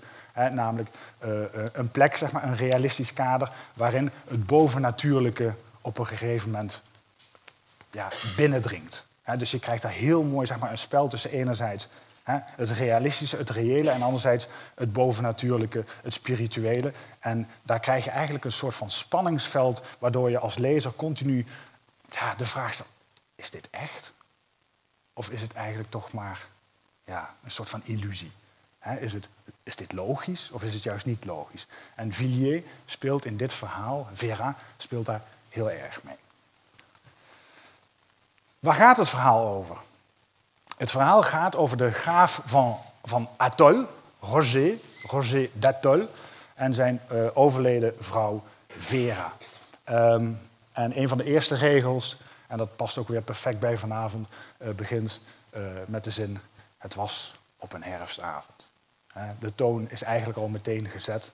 Ehm, ik lees straks wat andere fragmenten voor. Waar gaat het over? Nou, het gaat in ieder geval over Roger, een 30-jarige eh, eh, graaf. Hij heeft zijn vrouw met wie hij zo pas was getrouwd verloren. Eh, dat verlies is overigens op een bijzonder, ja, nou grappig wil ik het niet noemen, maar het is toch een speciale manier eh, gebeurd. Namelijk in een van hun vele liefdesnachten is Vera overleden aan een hartaanval. Nou, daarna eh, is Vera eh, in de kamer, in de slaapkamer, opgebaard. De dag daarop zijn ze met eh, Vera naar het mausoleum van de familie gegaan. Vera is daar eigenlijk bij de familie bijgezet. Roger loopt als laatste het mausoleum naar buiten, pakt de sleutel, draait de sleutel om en gooit de sleutel door het hek naar binnen. Zij neemt de sleutel niet mee naar huis. En de, de tekst zegt, waarom deed hij dat? Waarom dat? Ongetwijfeld na een mysterieus besluit er niet meer terug te keren. Dat is de reden die de tekst geeft. Vera is overleden, wordt in het mausoleum bijgezet. Roger gooit de sleutel naar binnen en wil eigenlijk nooit meer terug. Roger komt thuis in zijn somptueus herenhuis. En alles in dat huis herinnert hem aan Vera, natuurlijk.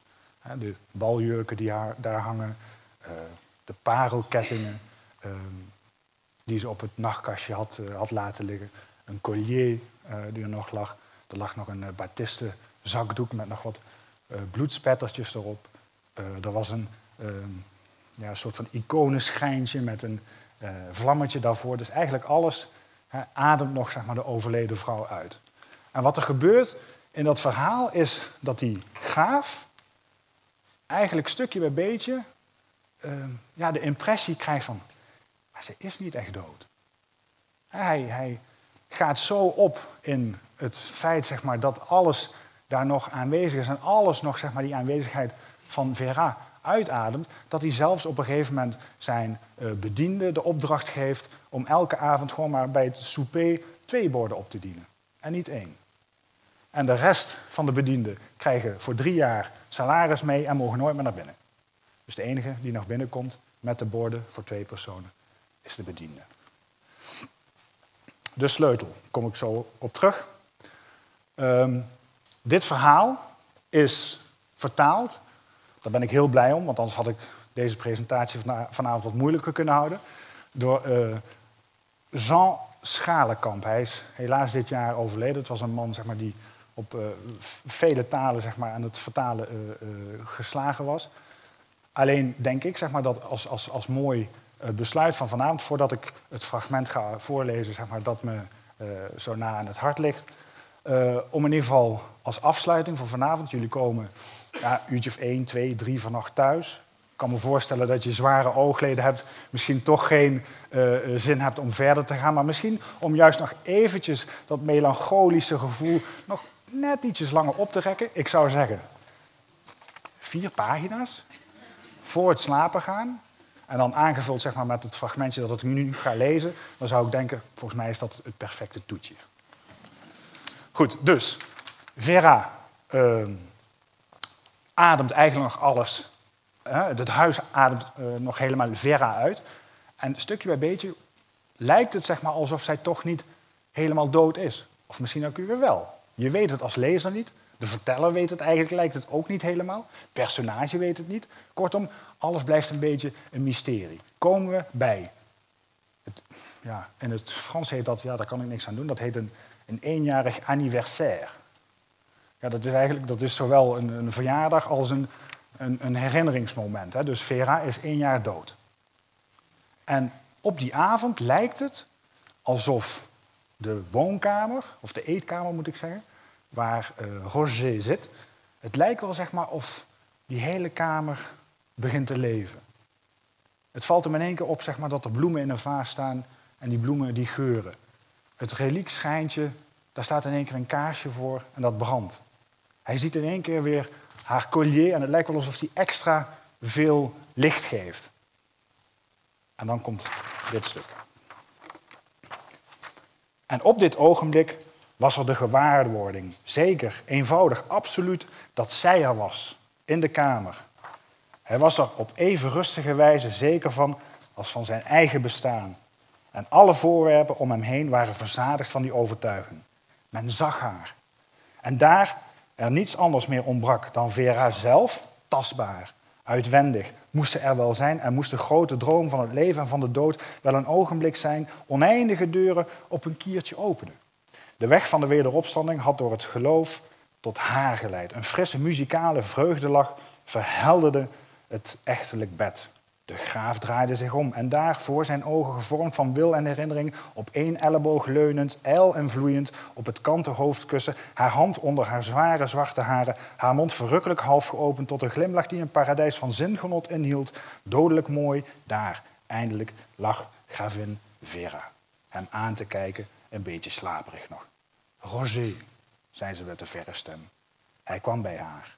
Hun lippen verenigden zich in één vreugde die goddelijk was, vergetend, onsterfelijk. En toen merkten ze dat ze in werkelijkheid slechts één enkel wezen waren.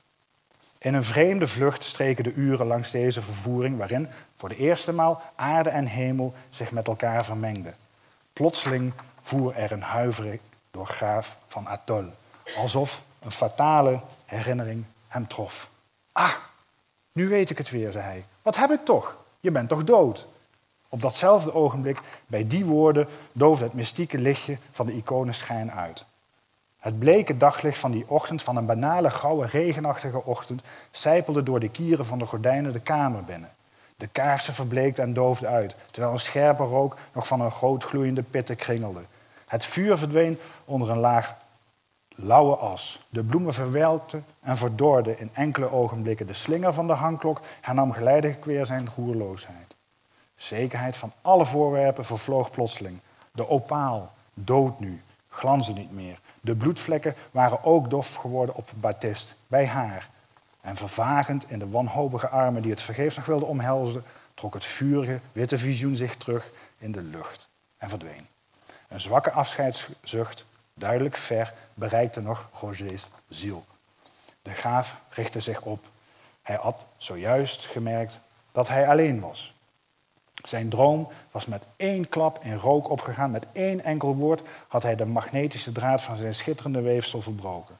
De atmosfeer was nu die van de overledene. Zoals die glazen tranen die op onlogische wijze samengevoegd en toch zo sterk dat het slag met een houten hamer op het dikke deel toegebracht ze niet zou kunnen breken, maar die tot een plotseling ontastbaar stof uiteenvallen als men het andere uiteinde breekt, dat dunner is dan de punt van een naald. Zo was alles teniet gegaan. Oh, mompelde hij, het is dus afgelopen. Verloren. Helemaal alleen. Welk is nu de weg om jou te bereiken? Wijs me de weg die me naar jou kan voeren. Plotseling, als een antwoord, viel een glimmend voorwerp van het echtelijk bed op de zwarte pels. Het gaf een metalen geluid. Een lichtstraal van dat afschuwelijke aardse daglicht verlichtte. De verlatende bukte zich op, bukte zich, het op en een verheven glimlach verhelderde zijn gezicht toen hij het voorwerp herkende. Het was de sleutel van het graf. Ik zou zeggen, veel leesplezier vannacht. Tot de volgende keer.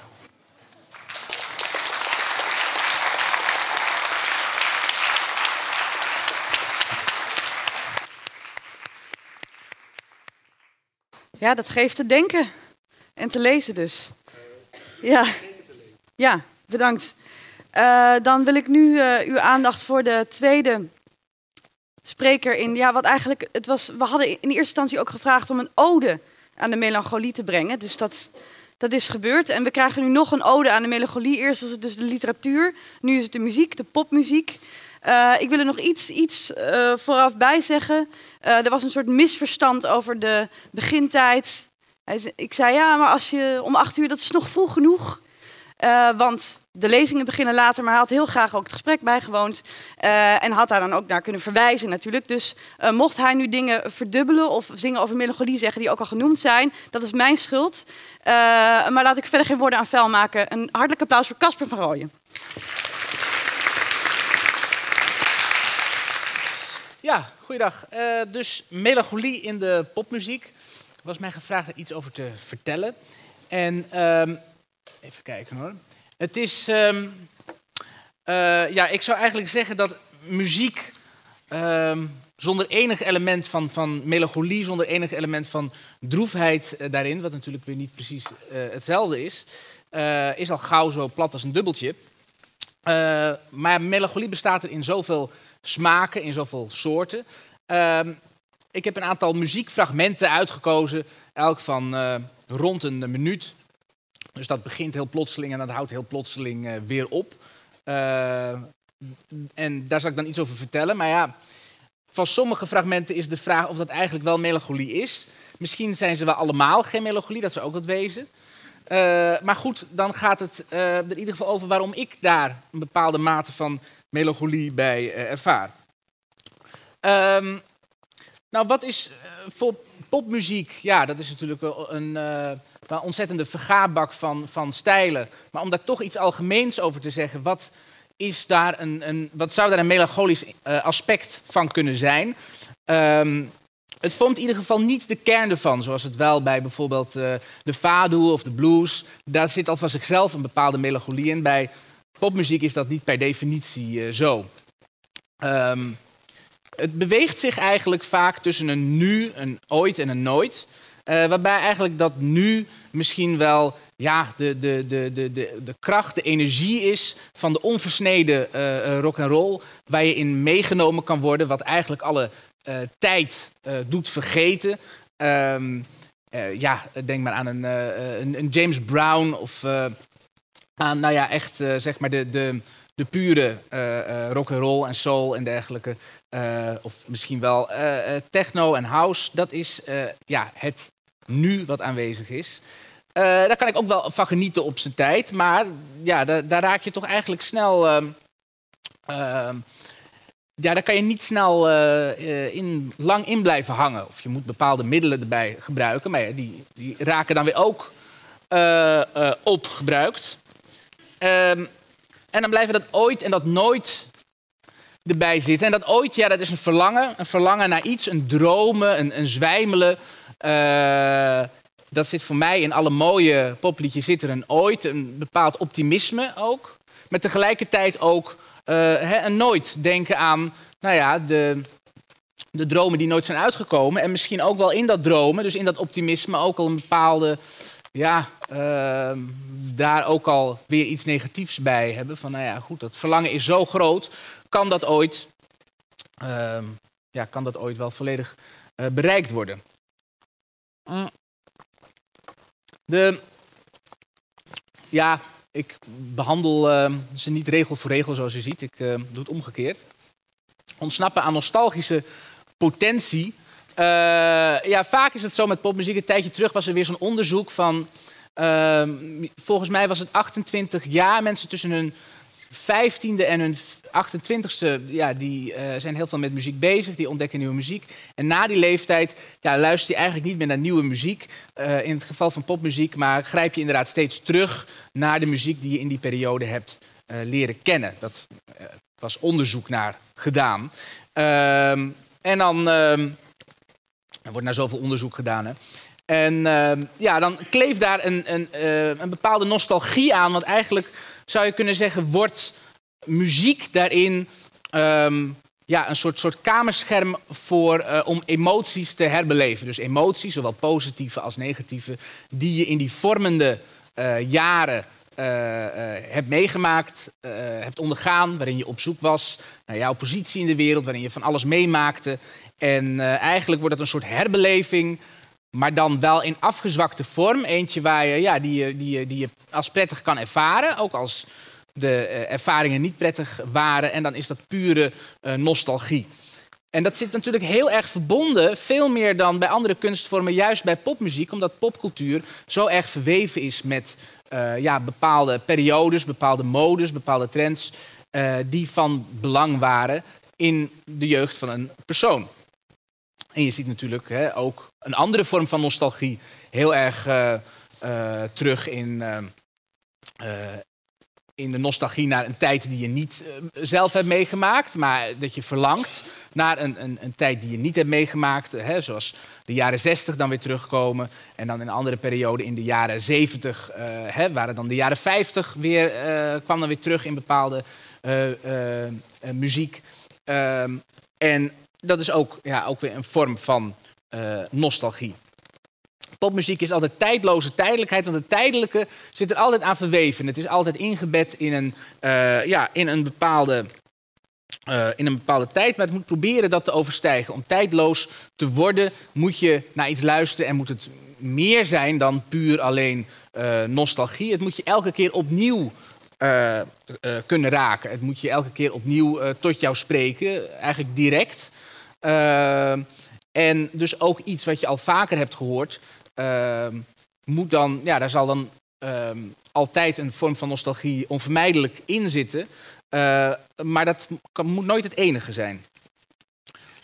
Ehm, nou ja, ik, ik kan me nog heel goed herinneren de eerste keer dat ik eh, melancholisch was.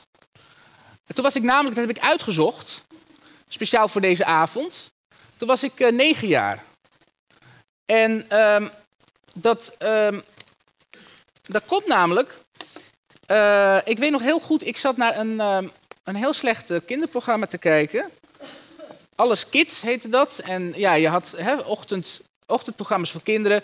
Had je File Achterwerk van de VPRO. En je had Telekids van RTL 4. En je had op een gegeven moment ook eh, Alles Kids van de Afro of zo.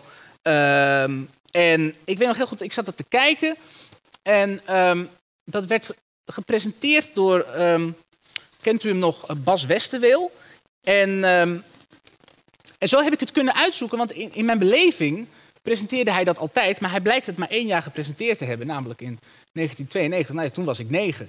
Ik zat er te kijken en hij reed in een, in een, in een busje ja, door, door Nederland. Ik weet niet precies wat hij, eh, waarschijnlijk om, om eh, dat kinderen iets konden doen. In, ieder geval, tussen de bedrijven door zag je dat busje daar rijden door zo'n desolaat eh, eh, weiland.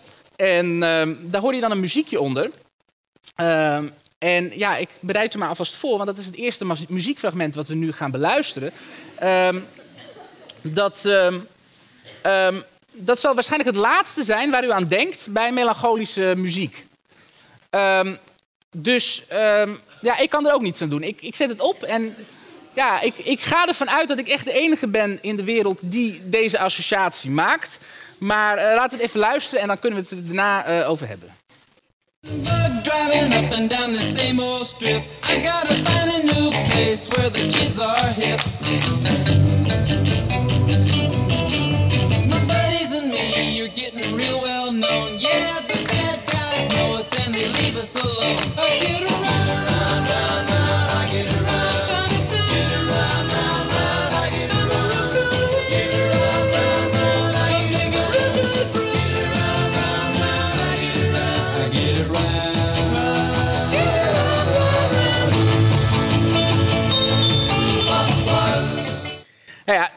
nu hebben de, de Beast Boys eh, tal van prachtige melancholische nummers geschreven, maar dit is er niet bepaald, wordt niet bepaald daartoe eh, eh, gerekend. Dat staat juist bekend als een ontzettend vrolijk, misschien zelfs manisch eerder dan een, nummer. Ik zette het eh, gisteren op voor mijn, voor mijn, eh, voor mijn dochter van vier, die, eh, die al de hele dag ja, een beetje een, een hangerige, zeurderige dag had. En eh, ik was heel benieuwd naar haar reactie. En ze leefde helemaal op en ze wilde het vandaag eh, al tien keer achter elkaar horen. Eh, ik, ja, op een gegeven moment had ik er wel weer genoeg van. eh, maar elke keer weer dat liedje. Dus blijkbaar, eh, wat is dat dan dat ik dat op dat moment zo ervaarde? Het was namelijk zo, ik keek naar de tv en ik, waarom ik het me zo goed herinner... is dat ik constateerde dat, het, dat ik een gevoel had wat ik nog niet kende. Ik hoorde namelijk ook wel dat het een vrolijk liedje was. En tegelijkertijd riep het een bepaalde vreemd ehm, eh, ja, verlangen in mij op. Verlangen naar iets waarvan wist ik niet. En ook een soort treurigheid dat ik wist dat dat verlangen nooit eh, eh, bevredigd zou worden. Ehm, en ehm, ja, en het had ook wel een aanzuigende werking. Want zoals gezegd, het, was voor, de rest niet een, een programma wat mij, eh, eh, wat mij als kind... Ik zag ook wel in dat dat niet een heel eh, interessant programma was. Maar toch zet ik het steeds op, steeds voor die paar seconden... dat je dan dat melodietje hoorde... en dat ik weer dat gevoel kon ervaren. Dat gevoel waar ik eigenlijk een beetje duizelig van werd... eh, en eh, ja, wat, wat, wa- ja, wat zeker niet prettig was, maar waar ook, ook iets prettigs in zat. Nou ja, het zou natuurlijk heel goed kunnen dat het, dat, dat gevoel misschien wel eh, door iets heel anders werd opgeroepen. Misschien wel door dat, door dat busje in dat weiland. Of dat het eigenlijk gewoon vanuit het niets tot mij kwam. En dat toevallig die eh, muziek erbij zat. En dat ik het daarmee eh, daardoor associeerde. Dat, dat zou kunnen. Ik moet wel zeggen, op het moment dat ik mijn dochter daarop zie dansen, raak ik niet in een grote melancholie. Maar dan ervaar ik het door haar en zie ik haar vrolijkheid. En dan hoor ik ook inderdaad de, vrolijkheid die iedereen in dat liedje hoort. Ehm, nou, ik ben later wel ook eh, eh, eh, verder verdiept in, in, in, in de Beach Boys. En ja, het, het is inderdaad een tragisch verhaal. Zo e- eigenlijk alleen de drummer, dus dat is de, de voorste, was de enige die kon surfen. Dus ze zongen heel veel. Ze hebben tientallen liedjes over, surf, over surfen geschreven. Maar dat, dat konden ze helemaal niet. Dat deden ze helemaal niet. Dat was, ja, en hij is overigens verdronken. Eh, dus dat is natuurlijk. ehm, en, en Brian Wilson, het, eh, die bolle, het genie, van, ehm, het genie van de groep, die alle nummers schreef. en die op een gegeven moment in grote eh, staat van mentale verwarring verkeerde. en ja, totaal krankzinnig werd, zeg maar. ja, typische krankzinnige genie. Ja, die, die, die zong eigenlijk over een wereld waar hij geen deel aan, eh, eh, aan nam. Hè? Eh, ja, I Get Around, het gaat inderdaad over ja, eh, jongensdingen doen, hè? In, in auto's hard rijden, meisjes versieren, et cetera. Maar het was gewoon een enorme, een enorme eenzame sukkel. En ehm, dat, ehm, dus hij zong misschien iets over het, ja, iets waar dat ooit en nooit in zat. Maar ja, in dit nummer samengebald, in een nummer wat juist wordt ervaren als iets van het nu. Als iets wat hè, zich nu eh, afspeelt en waarop je fijn kan dansen en waar je blij van wordt. Dus, ehm, dus of eh, ik was misschien zo'n geniaal genie dat ik dat als negenjarige erin hoorde. Ja, eh, of het, ehm, het was inderdaad ehm, puur ja, toeval dat die twee zaken samen gingen. Maar goed, toen was ik dus, toen was ik dus negen. En vervolgens, eh, vervolgens ben ik 15. ehm, en gaan we naar ja, de typische eh, melancholie. Dit ja, wordt toch wel vaak beschouwd als de plaat van mijn eh, generatie. Alhoewel, ik ken genoeg generatiegenoten die er een hekel aan hebben. Ehm, maar ehm, deze, deze plaat, OK Computer van Radiohead, kwam uit in 97. Toen was ik eh, eh, 14 jaar. En het was ja, een, een, een medicijn, of misschien is dat niet het juiste, is dat niet de juiste term, meer een soort eh, vervoermiddel. Iets waar ik me in verplaatste, iets waarmee ik me door de wereld eh, bewoog. Eh, ik voelde me, zoals zoveel kinderen van die, van die leeftijd, hè, de, de een heeft er meer last van dan de andere. Ik had het behoorlijk heftig. Voelde ik me totaal uitgesloten buiten de wereld. Ik zag de wereld ook eigenlijk maar als iets ja, waar ik niet deel aan hoefde te nemen. Ik, ik zat ook letterlijk, eh, ik was een forens, ik eh, woonde in Edam, ik zat op school in Amsterdam, dus ik zat de hele tijd in, in bussen en trams. Ik zag alle mensen eh, aan me voortbewegen en eh, ehm, transport is ook een, een, een, een thema eh, eh, van deze plaat. Sowieso de hele eh, technologisering van de wereld, communicatie, alles, ja, eigenlijk hoe mensen met elkaar in contact raken, maar dat ja, het werkelijke contact daarin in verdwijnt. Dat is, wat dat betreft is dat natuurlijk alleen nog maar meer geworden, maar dat zit al heel erg qua thema in, in OK Computer. Veel verwijzingen naar George Orwell en dergelijke. Ehm, maar hier vormde de vervreemding het uitgangspunt. Je zou eigenlijk kunnen zeggen dat ik me kon identificeren of het als een soort troost beschouwde. De, de, de, de, de liedjes die eh, eh, gezongen werden, eh, daarin mee kon gaan. Maar tegelijkertijd was het niet puur verdriet, niet puur kommer en kwel. Maar er zit ook altijd hoop en optimisme. Dus ook dat ooit, hè, dat element, zit er ook altijd in. Ehm, en ehm, ja, je zou eigenlijk kunnen zeggen dat ehm, het ook het, idee bracht van dat er een, een echtere eh, wereld was. Dat er een echtere. eh, ehm, ehm, ja, dat, dat, dat er iets was. Ja, eh, hoop in ieder geval. Ehm, zoals het nummer, het, het, het fragmentje wat we nu gaan luisteren, zit aan het begin van het nummer. En dat nummer, Let Down, is een vrij lang nummer. En eigenlijk, het is vrij repetitief. Maar het wordt eigenlijk steeds eh, lichter van toon. Het wordt ook iets sneller van toon. En we horen nu eh, eigenlijk meer het, het, het, het, eh, ja, het, tra- het trage begin. Maar Tom York, de, de zanger, die, eh, die zingt dan ook hè, dus in, ehm, eh, tegen het einde... One day I'll grow wings and fly away. Dus dat was dan ja, een beetje de, de hoop die je erin hoorde. En dat je dacht van nou ja, via deze muziek kan je daar ook toe komen.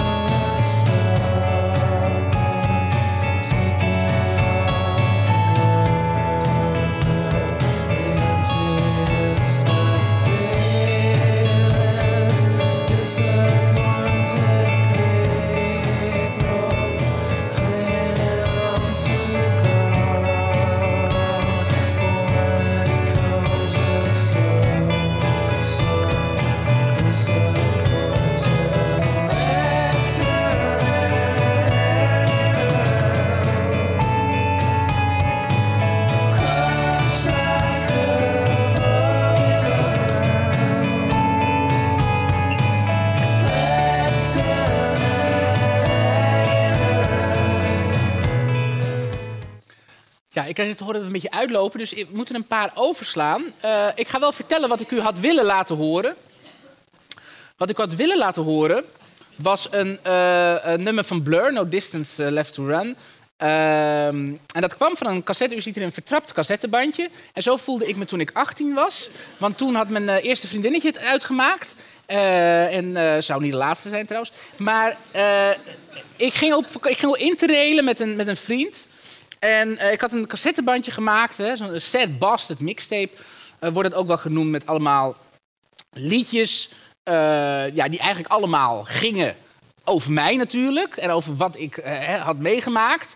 Hele goede liedjes, ook voor No One van de Beatles was er één. In ieder geval liedjes die heel knap, zo, ehm, eh, zonder clichés te gebruiken. Dat is natuurlijk het knapste wat er is. Heel specifiek een gevoel omschrijven wat heel universeel is. Maar waarbij je dan tegelijk dat eh particuliere, dus je eigen verdriet, dat kan eh, herbeleven. En ehm, dat lijkt een beetje op dat nostalgische waar ik het eerder over had. Maar waar daar het meer een soort ja, afgezwakte vorm van die eerdere emoties is. Daarin roep je ze juist hier opnieuw op om, nou ja, dat het, dat, eh, om je eh, eh, ten huilen te brengen. Ehm, en overigens, en die, die, en die vriend die had ook echt dat cassettebandje die, eh, die verstopte. Ik weet niet of hij hem ook vertrapt had. Maar hij vond dat ik mezelf dat niet aan moest doen. En hij verstopte hem in ieder geval steeds. Dus deze, deze cassette. Maar, oh ja, wat ik daar ook over had willen zeggen... is dat dat volgens mij eigenlijk geen... nou doe ik het toch. Dat het eigenlijk, dat het eigenlijk geen melancholie is... maar inderdaad gewoon puur verdriet omdat het melancholische, ja, dat heeft gewoon verschillende componenten. Hè? Dat, is, dat heeft, is iets vrij complex. En het gaat altijd over meer dan, eh, dan, over, dan over jou alleen. Terwijl bij deze liedjes, die zijn juist heel concreet, heel specifiek. En daar herken je jezelf in. Eh, dus dat is eigenlijk te, te nauw, en te, te ehm, ja, specifiek voor melancholie. Eh, dan vervolgens... Oh, dat is niet. Eh, wilde ik nog iets eh, vertellen over de ondraaglijke lichtheid en de extatische zwaarte. Hè, je ziet hier op de, de foto bijvoorbeeld twee nou ja, prominente eh, figuren... die overigens bepaald geen vriendjes waren, namelijk Morrissey en, en Robert Smith. De ene van de Smiths, de ander van The Cure. Die natuurlijk tal van prachtige nummers schreven in de, in de jaren tachtig... die soms ja, pijn deden om, om naar te luisteren. Zo, zo emotioneel. Eh, en waar ook soms juist een bepaalde. ehm, ja, waarbij melancholie eigenlijk bijna een soort levenshouding wordt. Dus waarbij je een gehele plaat. eh, zoals sommige platen van The Cure, die echt bijna claustrofobisch eh, zijn. dat, dat het juist ook voor escapisme zorgt. En dat het ook juist zorgt voor een bepaalde ehm, manier waarop je door die ondraaglijke lichtheid je heen kan bewegen. Juist door jezelf te verzwaren met die duistere eh, klanken. En eh, lulligheid als troost. Eh, ja, ik had hier een fragment willen laten horen. Niet van een van deze twee. Of van Nick Cave, die had er ook nog bij kunnen staan. Of van Joy Division. Maar van een band uit de, van eind jaren 90, begin jaren 0. Granddaddy. eh, die hele ja, lullige melodietjes eigenlijk maken. Heel erg lichte eh, muziek. Met daar een enorm verlangen. En een enorme eh, melancholie. Maar ook veel humor. Ehm, en daar slaan we ook over. En dit dus, dit is een, een, een grafsteen. Daar heeft iemand een grafsteen laten maken met daarop SpongeBob SquarePants. Dat is een volwassen, een volwassen eh, vrouw. Die is uiteindelijk ook weer verwijderd. Dat mocht toch niet? Ehm, hele, ja. Maar ja, waarom, waarom mij dat gisternacht een goed idee leek om dat in deze presentatie te stoppen, dat weet ik, dat weet ik niet meer. Ehm, hoe dan ook, eh, ik wilde eindigen met, een, eh, met het ultieme anti-melancolielied. Die toch heel melancholisch is. Ehm, want ja, betekenis is er altijd te veel of te weinig. Hè? We gaan eraan onderdoor dat we alles een bepaalde waarde toekennen. En dat, ehm, eh, en dat, dat, hè, dat, dat alles gevoel oproept. Of juist dat je, eh, dat je niks meer voelt en dat alles betekenisloos eh, is. Ehm, en in dit nummer Ehm, daar kan, kan ik wel verklappen waar we naar gaan luisteren, want dan is het ook wel weer mooi om daarmee, daarmee te eindigen. Ehm, ehm, namelijk, Is That All There Is? Is That All There Is? Hè, Peggy Lee, die zingt daar eigenlijk, ja, die heeft dat, dat, eh, eh, ja, dat ooit, dus dat ooit, dat verlangen, dat was bij haar dan wel heel, eh, heel kortstondig. Want eigenlijk, ja, al van jongs af aan is alles een desillusie. Dus het begint al met, eh, eh, met een brand die ze ziet. Van nou ja, dat stelt eigenlijk teleur, want ze had toch meer verwacht van vuur. En dan, dan vervolgens, eh, eh, eh, en, en vervolgens gaat ze naar het circus. Dat valt ook tegen. En dan komt er dan vervolgens de liefde. Zelfs als ze de dood in, in de ogen kijkt, dat is toch, had ze toch ook meer van verwacht. Dus dat ooit, dat is allemaal van korte duur. Dat nooit is dan eigenlijk ja, waar het in de coupletten om gaat. En in het refrein, wat ik eh, dan niet eh, weg zal geven, maar het is natuurlijk een bekend nummer. Dus eh, kom je eigenlijk terug naar het nu. Want wat, ja, wat blijft er over? Dat is dan toch uiteindelijk wel het leven vieren. En dan kom je dus toch terug naar die kern eigenlijk van, van de popmuziek. waarbij het erom gaat, ja, zoals gezegd, hè, wat nooit lang vol te houden is. Maar wat toch het mooie streven is, is om juist alle zorgen te verliezen. En eh, ja, aangezien er toch niks meer te verliezen is eh, en er ook niks meer te, te winnen is, eh, het daar dan maar mee te doen. I remember when I was a little girl, our house caught on fire. I'll never forget the look on my father's face as he gathered me up in his arms and raced to the burning building out on the pavement. And I stood there, shivering in my pajamas, and watched the whole world go up in flames. And when it was all over, I said to myself, Is that all there is to a fire? Is that all there is? Is that all there is? If that's all there is, my dancing. Let's break out the booze and have a ball. If that's all there is. Dus eindigen toch met een optimistische noot. Dank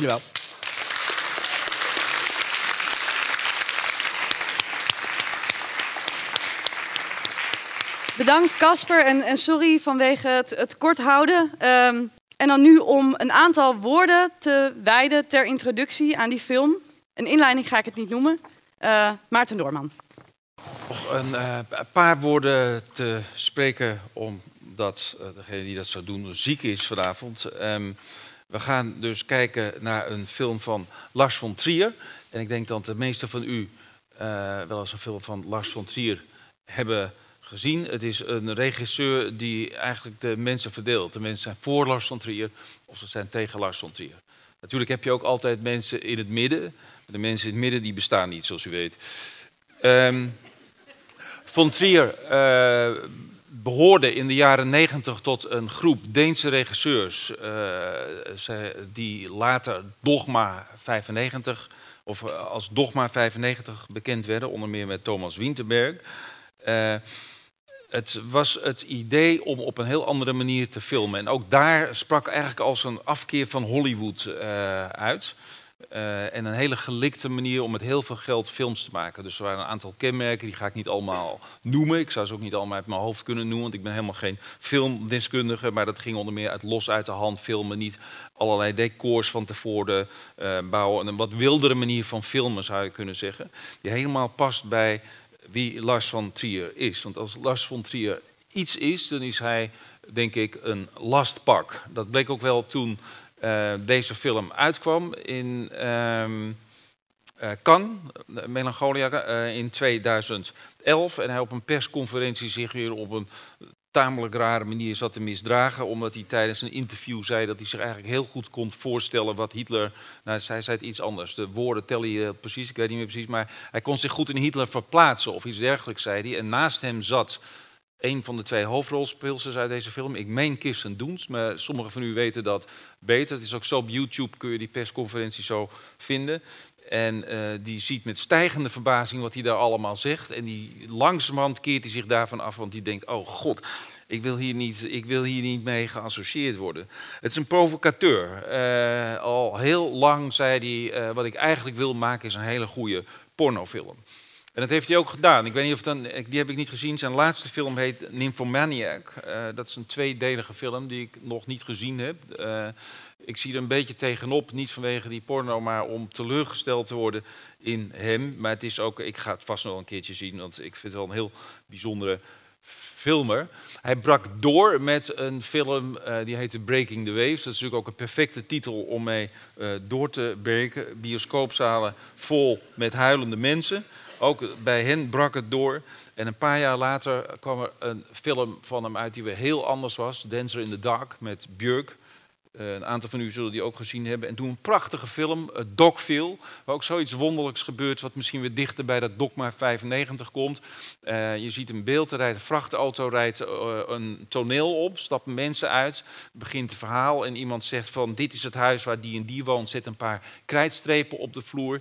En langzaam begint dat verhaal met een voice-over. En voor je het weet zit je in die film en pas op het einde van die film komt weer een vrachtwagen aanrijden en denk je maar ik heb alleen maar, is alleen maar een toneel geweest. Is alleen maar een toneel geweest. En ben het helemaal vergeten. Nou, dat, is een, dat, is een ander, dat is een van de twee films die hij heeft gemaakt. En die eigenlijk een soort pamflet ook zouden moeten zijn tegen de Verenigde Staten. Of tegen de cultuur van de Verenigde Staten. De derde heeft hij nog niet gemaakt. De tweede was Mandalay in 2005. En dan komt mijn persoonlijke favoriet. Ik denk dat dat eigenlijk een hele slechte film is. Maar dat is juist wat mij ook fascineert aan eh von Trier. Dat is Antichrist. Het begint op een manier waarvan je denkt, dit, kan, dit is gewoon, dat is, zo kun je niet een film maken. Een stel bedrijft de liefde op de wasmachine of in de keuken. En terwijl zij klaar komt, ziet ze haar kleine kind uit het raam naar beneden vallen, uit een flat. En het is volstrekt begrijpelijk dat deze vrouw vervolgens eh, niet alleen in de war is, maar volkomen kierwiet. Daar kunnen we ons eh, helemaal in verplaatsen. Maar het rare wat in die film gebeurt is, deze man werpt zich van haar werpt zich op als een soort therapeut. Ze trekken het bos in. En je komt in een soort wereld terecht eh, die, die bijna onbegrijpelijk is. Eh, bloederig, agressief. Op een gegeven moment sleept hij zich eh, met een slijpsteen die zij door zijn been heeft geboord door de natuur en zoekt een hol op waar een vos zit en een totaal. nou, het begin is totaal over de top, maar als je eenmaal die film wordt ingezogen, denk je: wat, wat. Ik was eigenlijk. Als iemand iets doet dat helemaal niet kan en dat sleep je toch mee. Nou, in die zin is de film waar we nu naar gaan kijken is wel eh, veel rustiger en uitgebalanceerder. Maar daar zit toch weer iets anders in. En dat is die, die rare, die rare eh, nou ja, we noemen het vanavond melancholie. Je zou ook kunnen zeggen het, het is een, eh, dat het over een depressie gaat. Daar wil ik zo meteen nog iets over zeggen. Want hij zat in een depressie toen hij die film maakte. En eh, daar heeft hij ook alle dingen over gezegd in interviews. Ik zou dat weer nooit doen. Maar Van Trier doet het dan juist weer wel. Ehm, de film bestaat uit twee delen. Ik ga er heel weinig over zeggen, want dat gaat u allemaal zien. Maar één deel heet Justine, het tweede heet Claire. Het zijn twee zusters. Justine die gaat trouwen, dus ze krijgen een bruiloft op een kasteel in eh, Denemarken. En dan denk je toch even aan de Sade, omdat er ook een Justine is in een kasteel. Maar dat zit er, dat weet ik niet. Maar... ehm, nou ja, het is een bruiloft en er, er wordt gewoon een chaos van gemaakt door die vrouw. Dat, dat gaat u zien, want zij is volkomen depressief. Eh, en het tweede deel eh, is vanuit het perspectief van haar zus, Claire, die veel opgewekter en optimistischer is. Maar wat daar een rol steeds speelt, dat is die planeet die op de aarde dreigt eh, aan te komen en de hele aarde dreigt te verwoesten. En die planeet heet ook Melancholia. En ehm, je ziet hier iets interessants in die film. Ik hoef er helemaal niet zoveel over te zeggen. Maar dat eigenlijk degene die zo ongelooflijk depressief is. Eh, in de tweede helft van de film, als het erom gaat spannen en die planeet maar steeds dichterbij komt om alles te verwoesten, dan heeft ze ook nog een kind, dat eigenlijk het repertoire van die depressieve vrouw groter is om dit soort gevaren in de ogen te zien dan van degene die juist zo krachtig en vitaal was. Goed, ik ga verder geen interpretaties eh, aan verbinden, die zijn aan u. En bovendien, je moet altijd iets open bekijken, denk ik. Ehm, ik zei, eh, Von Trier heeft deze film gemaakt terwijl hij een, in een ernstige depressie verkeerde. En dan komen we toch nog op iets wat, wat mij betreft belangrijk is in deze avond. Ehm Goddank heeft hij niet een film gemaakt van een depressie of van zijn depressie. Het mooie is, hij heeft van zijn depressie heeft hij in deze film melancholie gemaakt. En wat vind ik daar mooi aan? Dat is waar we het eerder op deze avond al over hadden. Eh, toen we het hadden over het verschil tussen depressie en melancholie. Bij melancholie ontwikkel je een soort repertoire waarbij ook alles wat zich in de kunst voordoet, de dubbelzinnigheid, eh, eh, een, een hele eh, geschiedenis, een, een veelduidigheid zich ontwikkelt, waardoor dit alles behalve een platte film is en een, nou ja, ik vind zelf een wonderbaarlijk staaltje van melancholie. En dan gaan we geloof ik eerst pauzeren, hè, of... of nu, de, ik kan de orde moet u niet aan mij overlaten, maar eh, eh, ik hoop dat u veel plezier heeft aan deze film. Ja.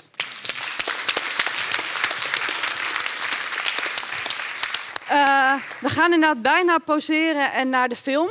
Eh, maar eerst wil ik nog graag eh, de vloer en, en uw aandacht voor een laatste melancholische lied door eh, Pomona.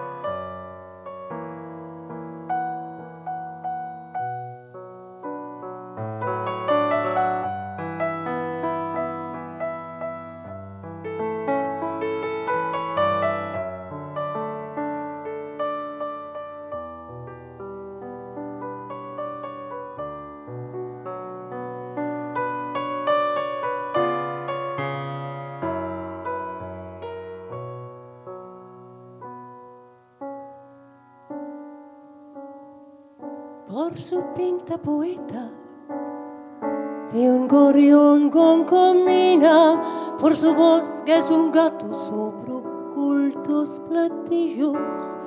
Los enigmas del vino le acarician los ojos y un dolor le perfuma la solapa y los astros. Grita el águila taura por su voz y sus dedos ambocando los niños en la cresta del sueño, a llorar como el viento, con las lágrimas altas, a cantar como el pueblo, por milonga y por llanto, del brazo de un arcángel y un malandra, se van con sus anteojos y los charcos, a ver por qué se aflijan las glicinas pichuco de la misa en los mercados por gracia de morir toda la noche. Jamás le viene justa muerte algunas jamás le quedan flojas las estrellas pichuco de la misa en los mercados por nosotros.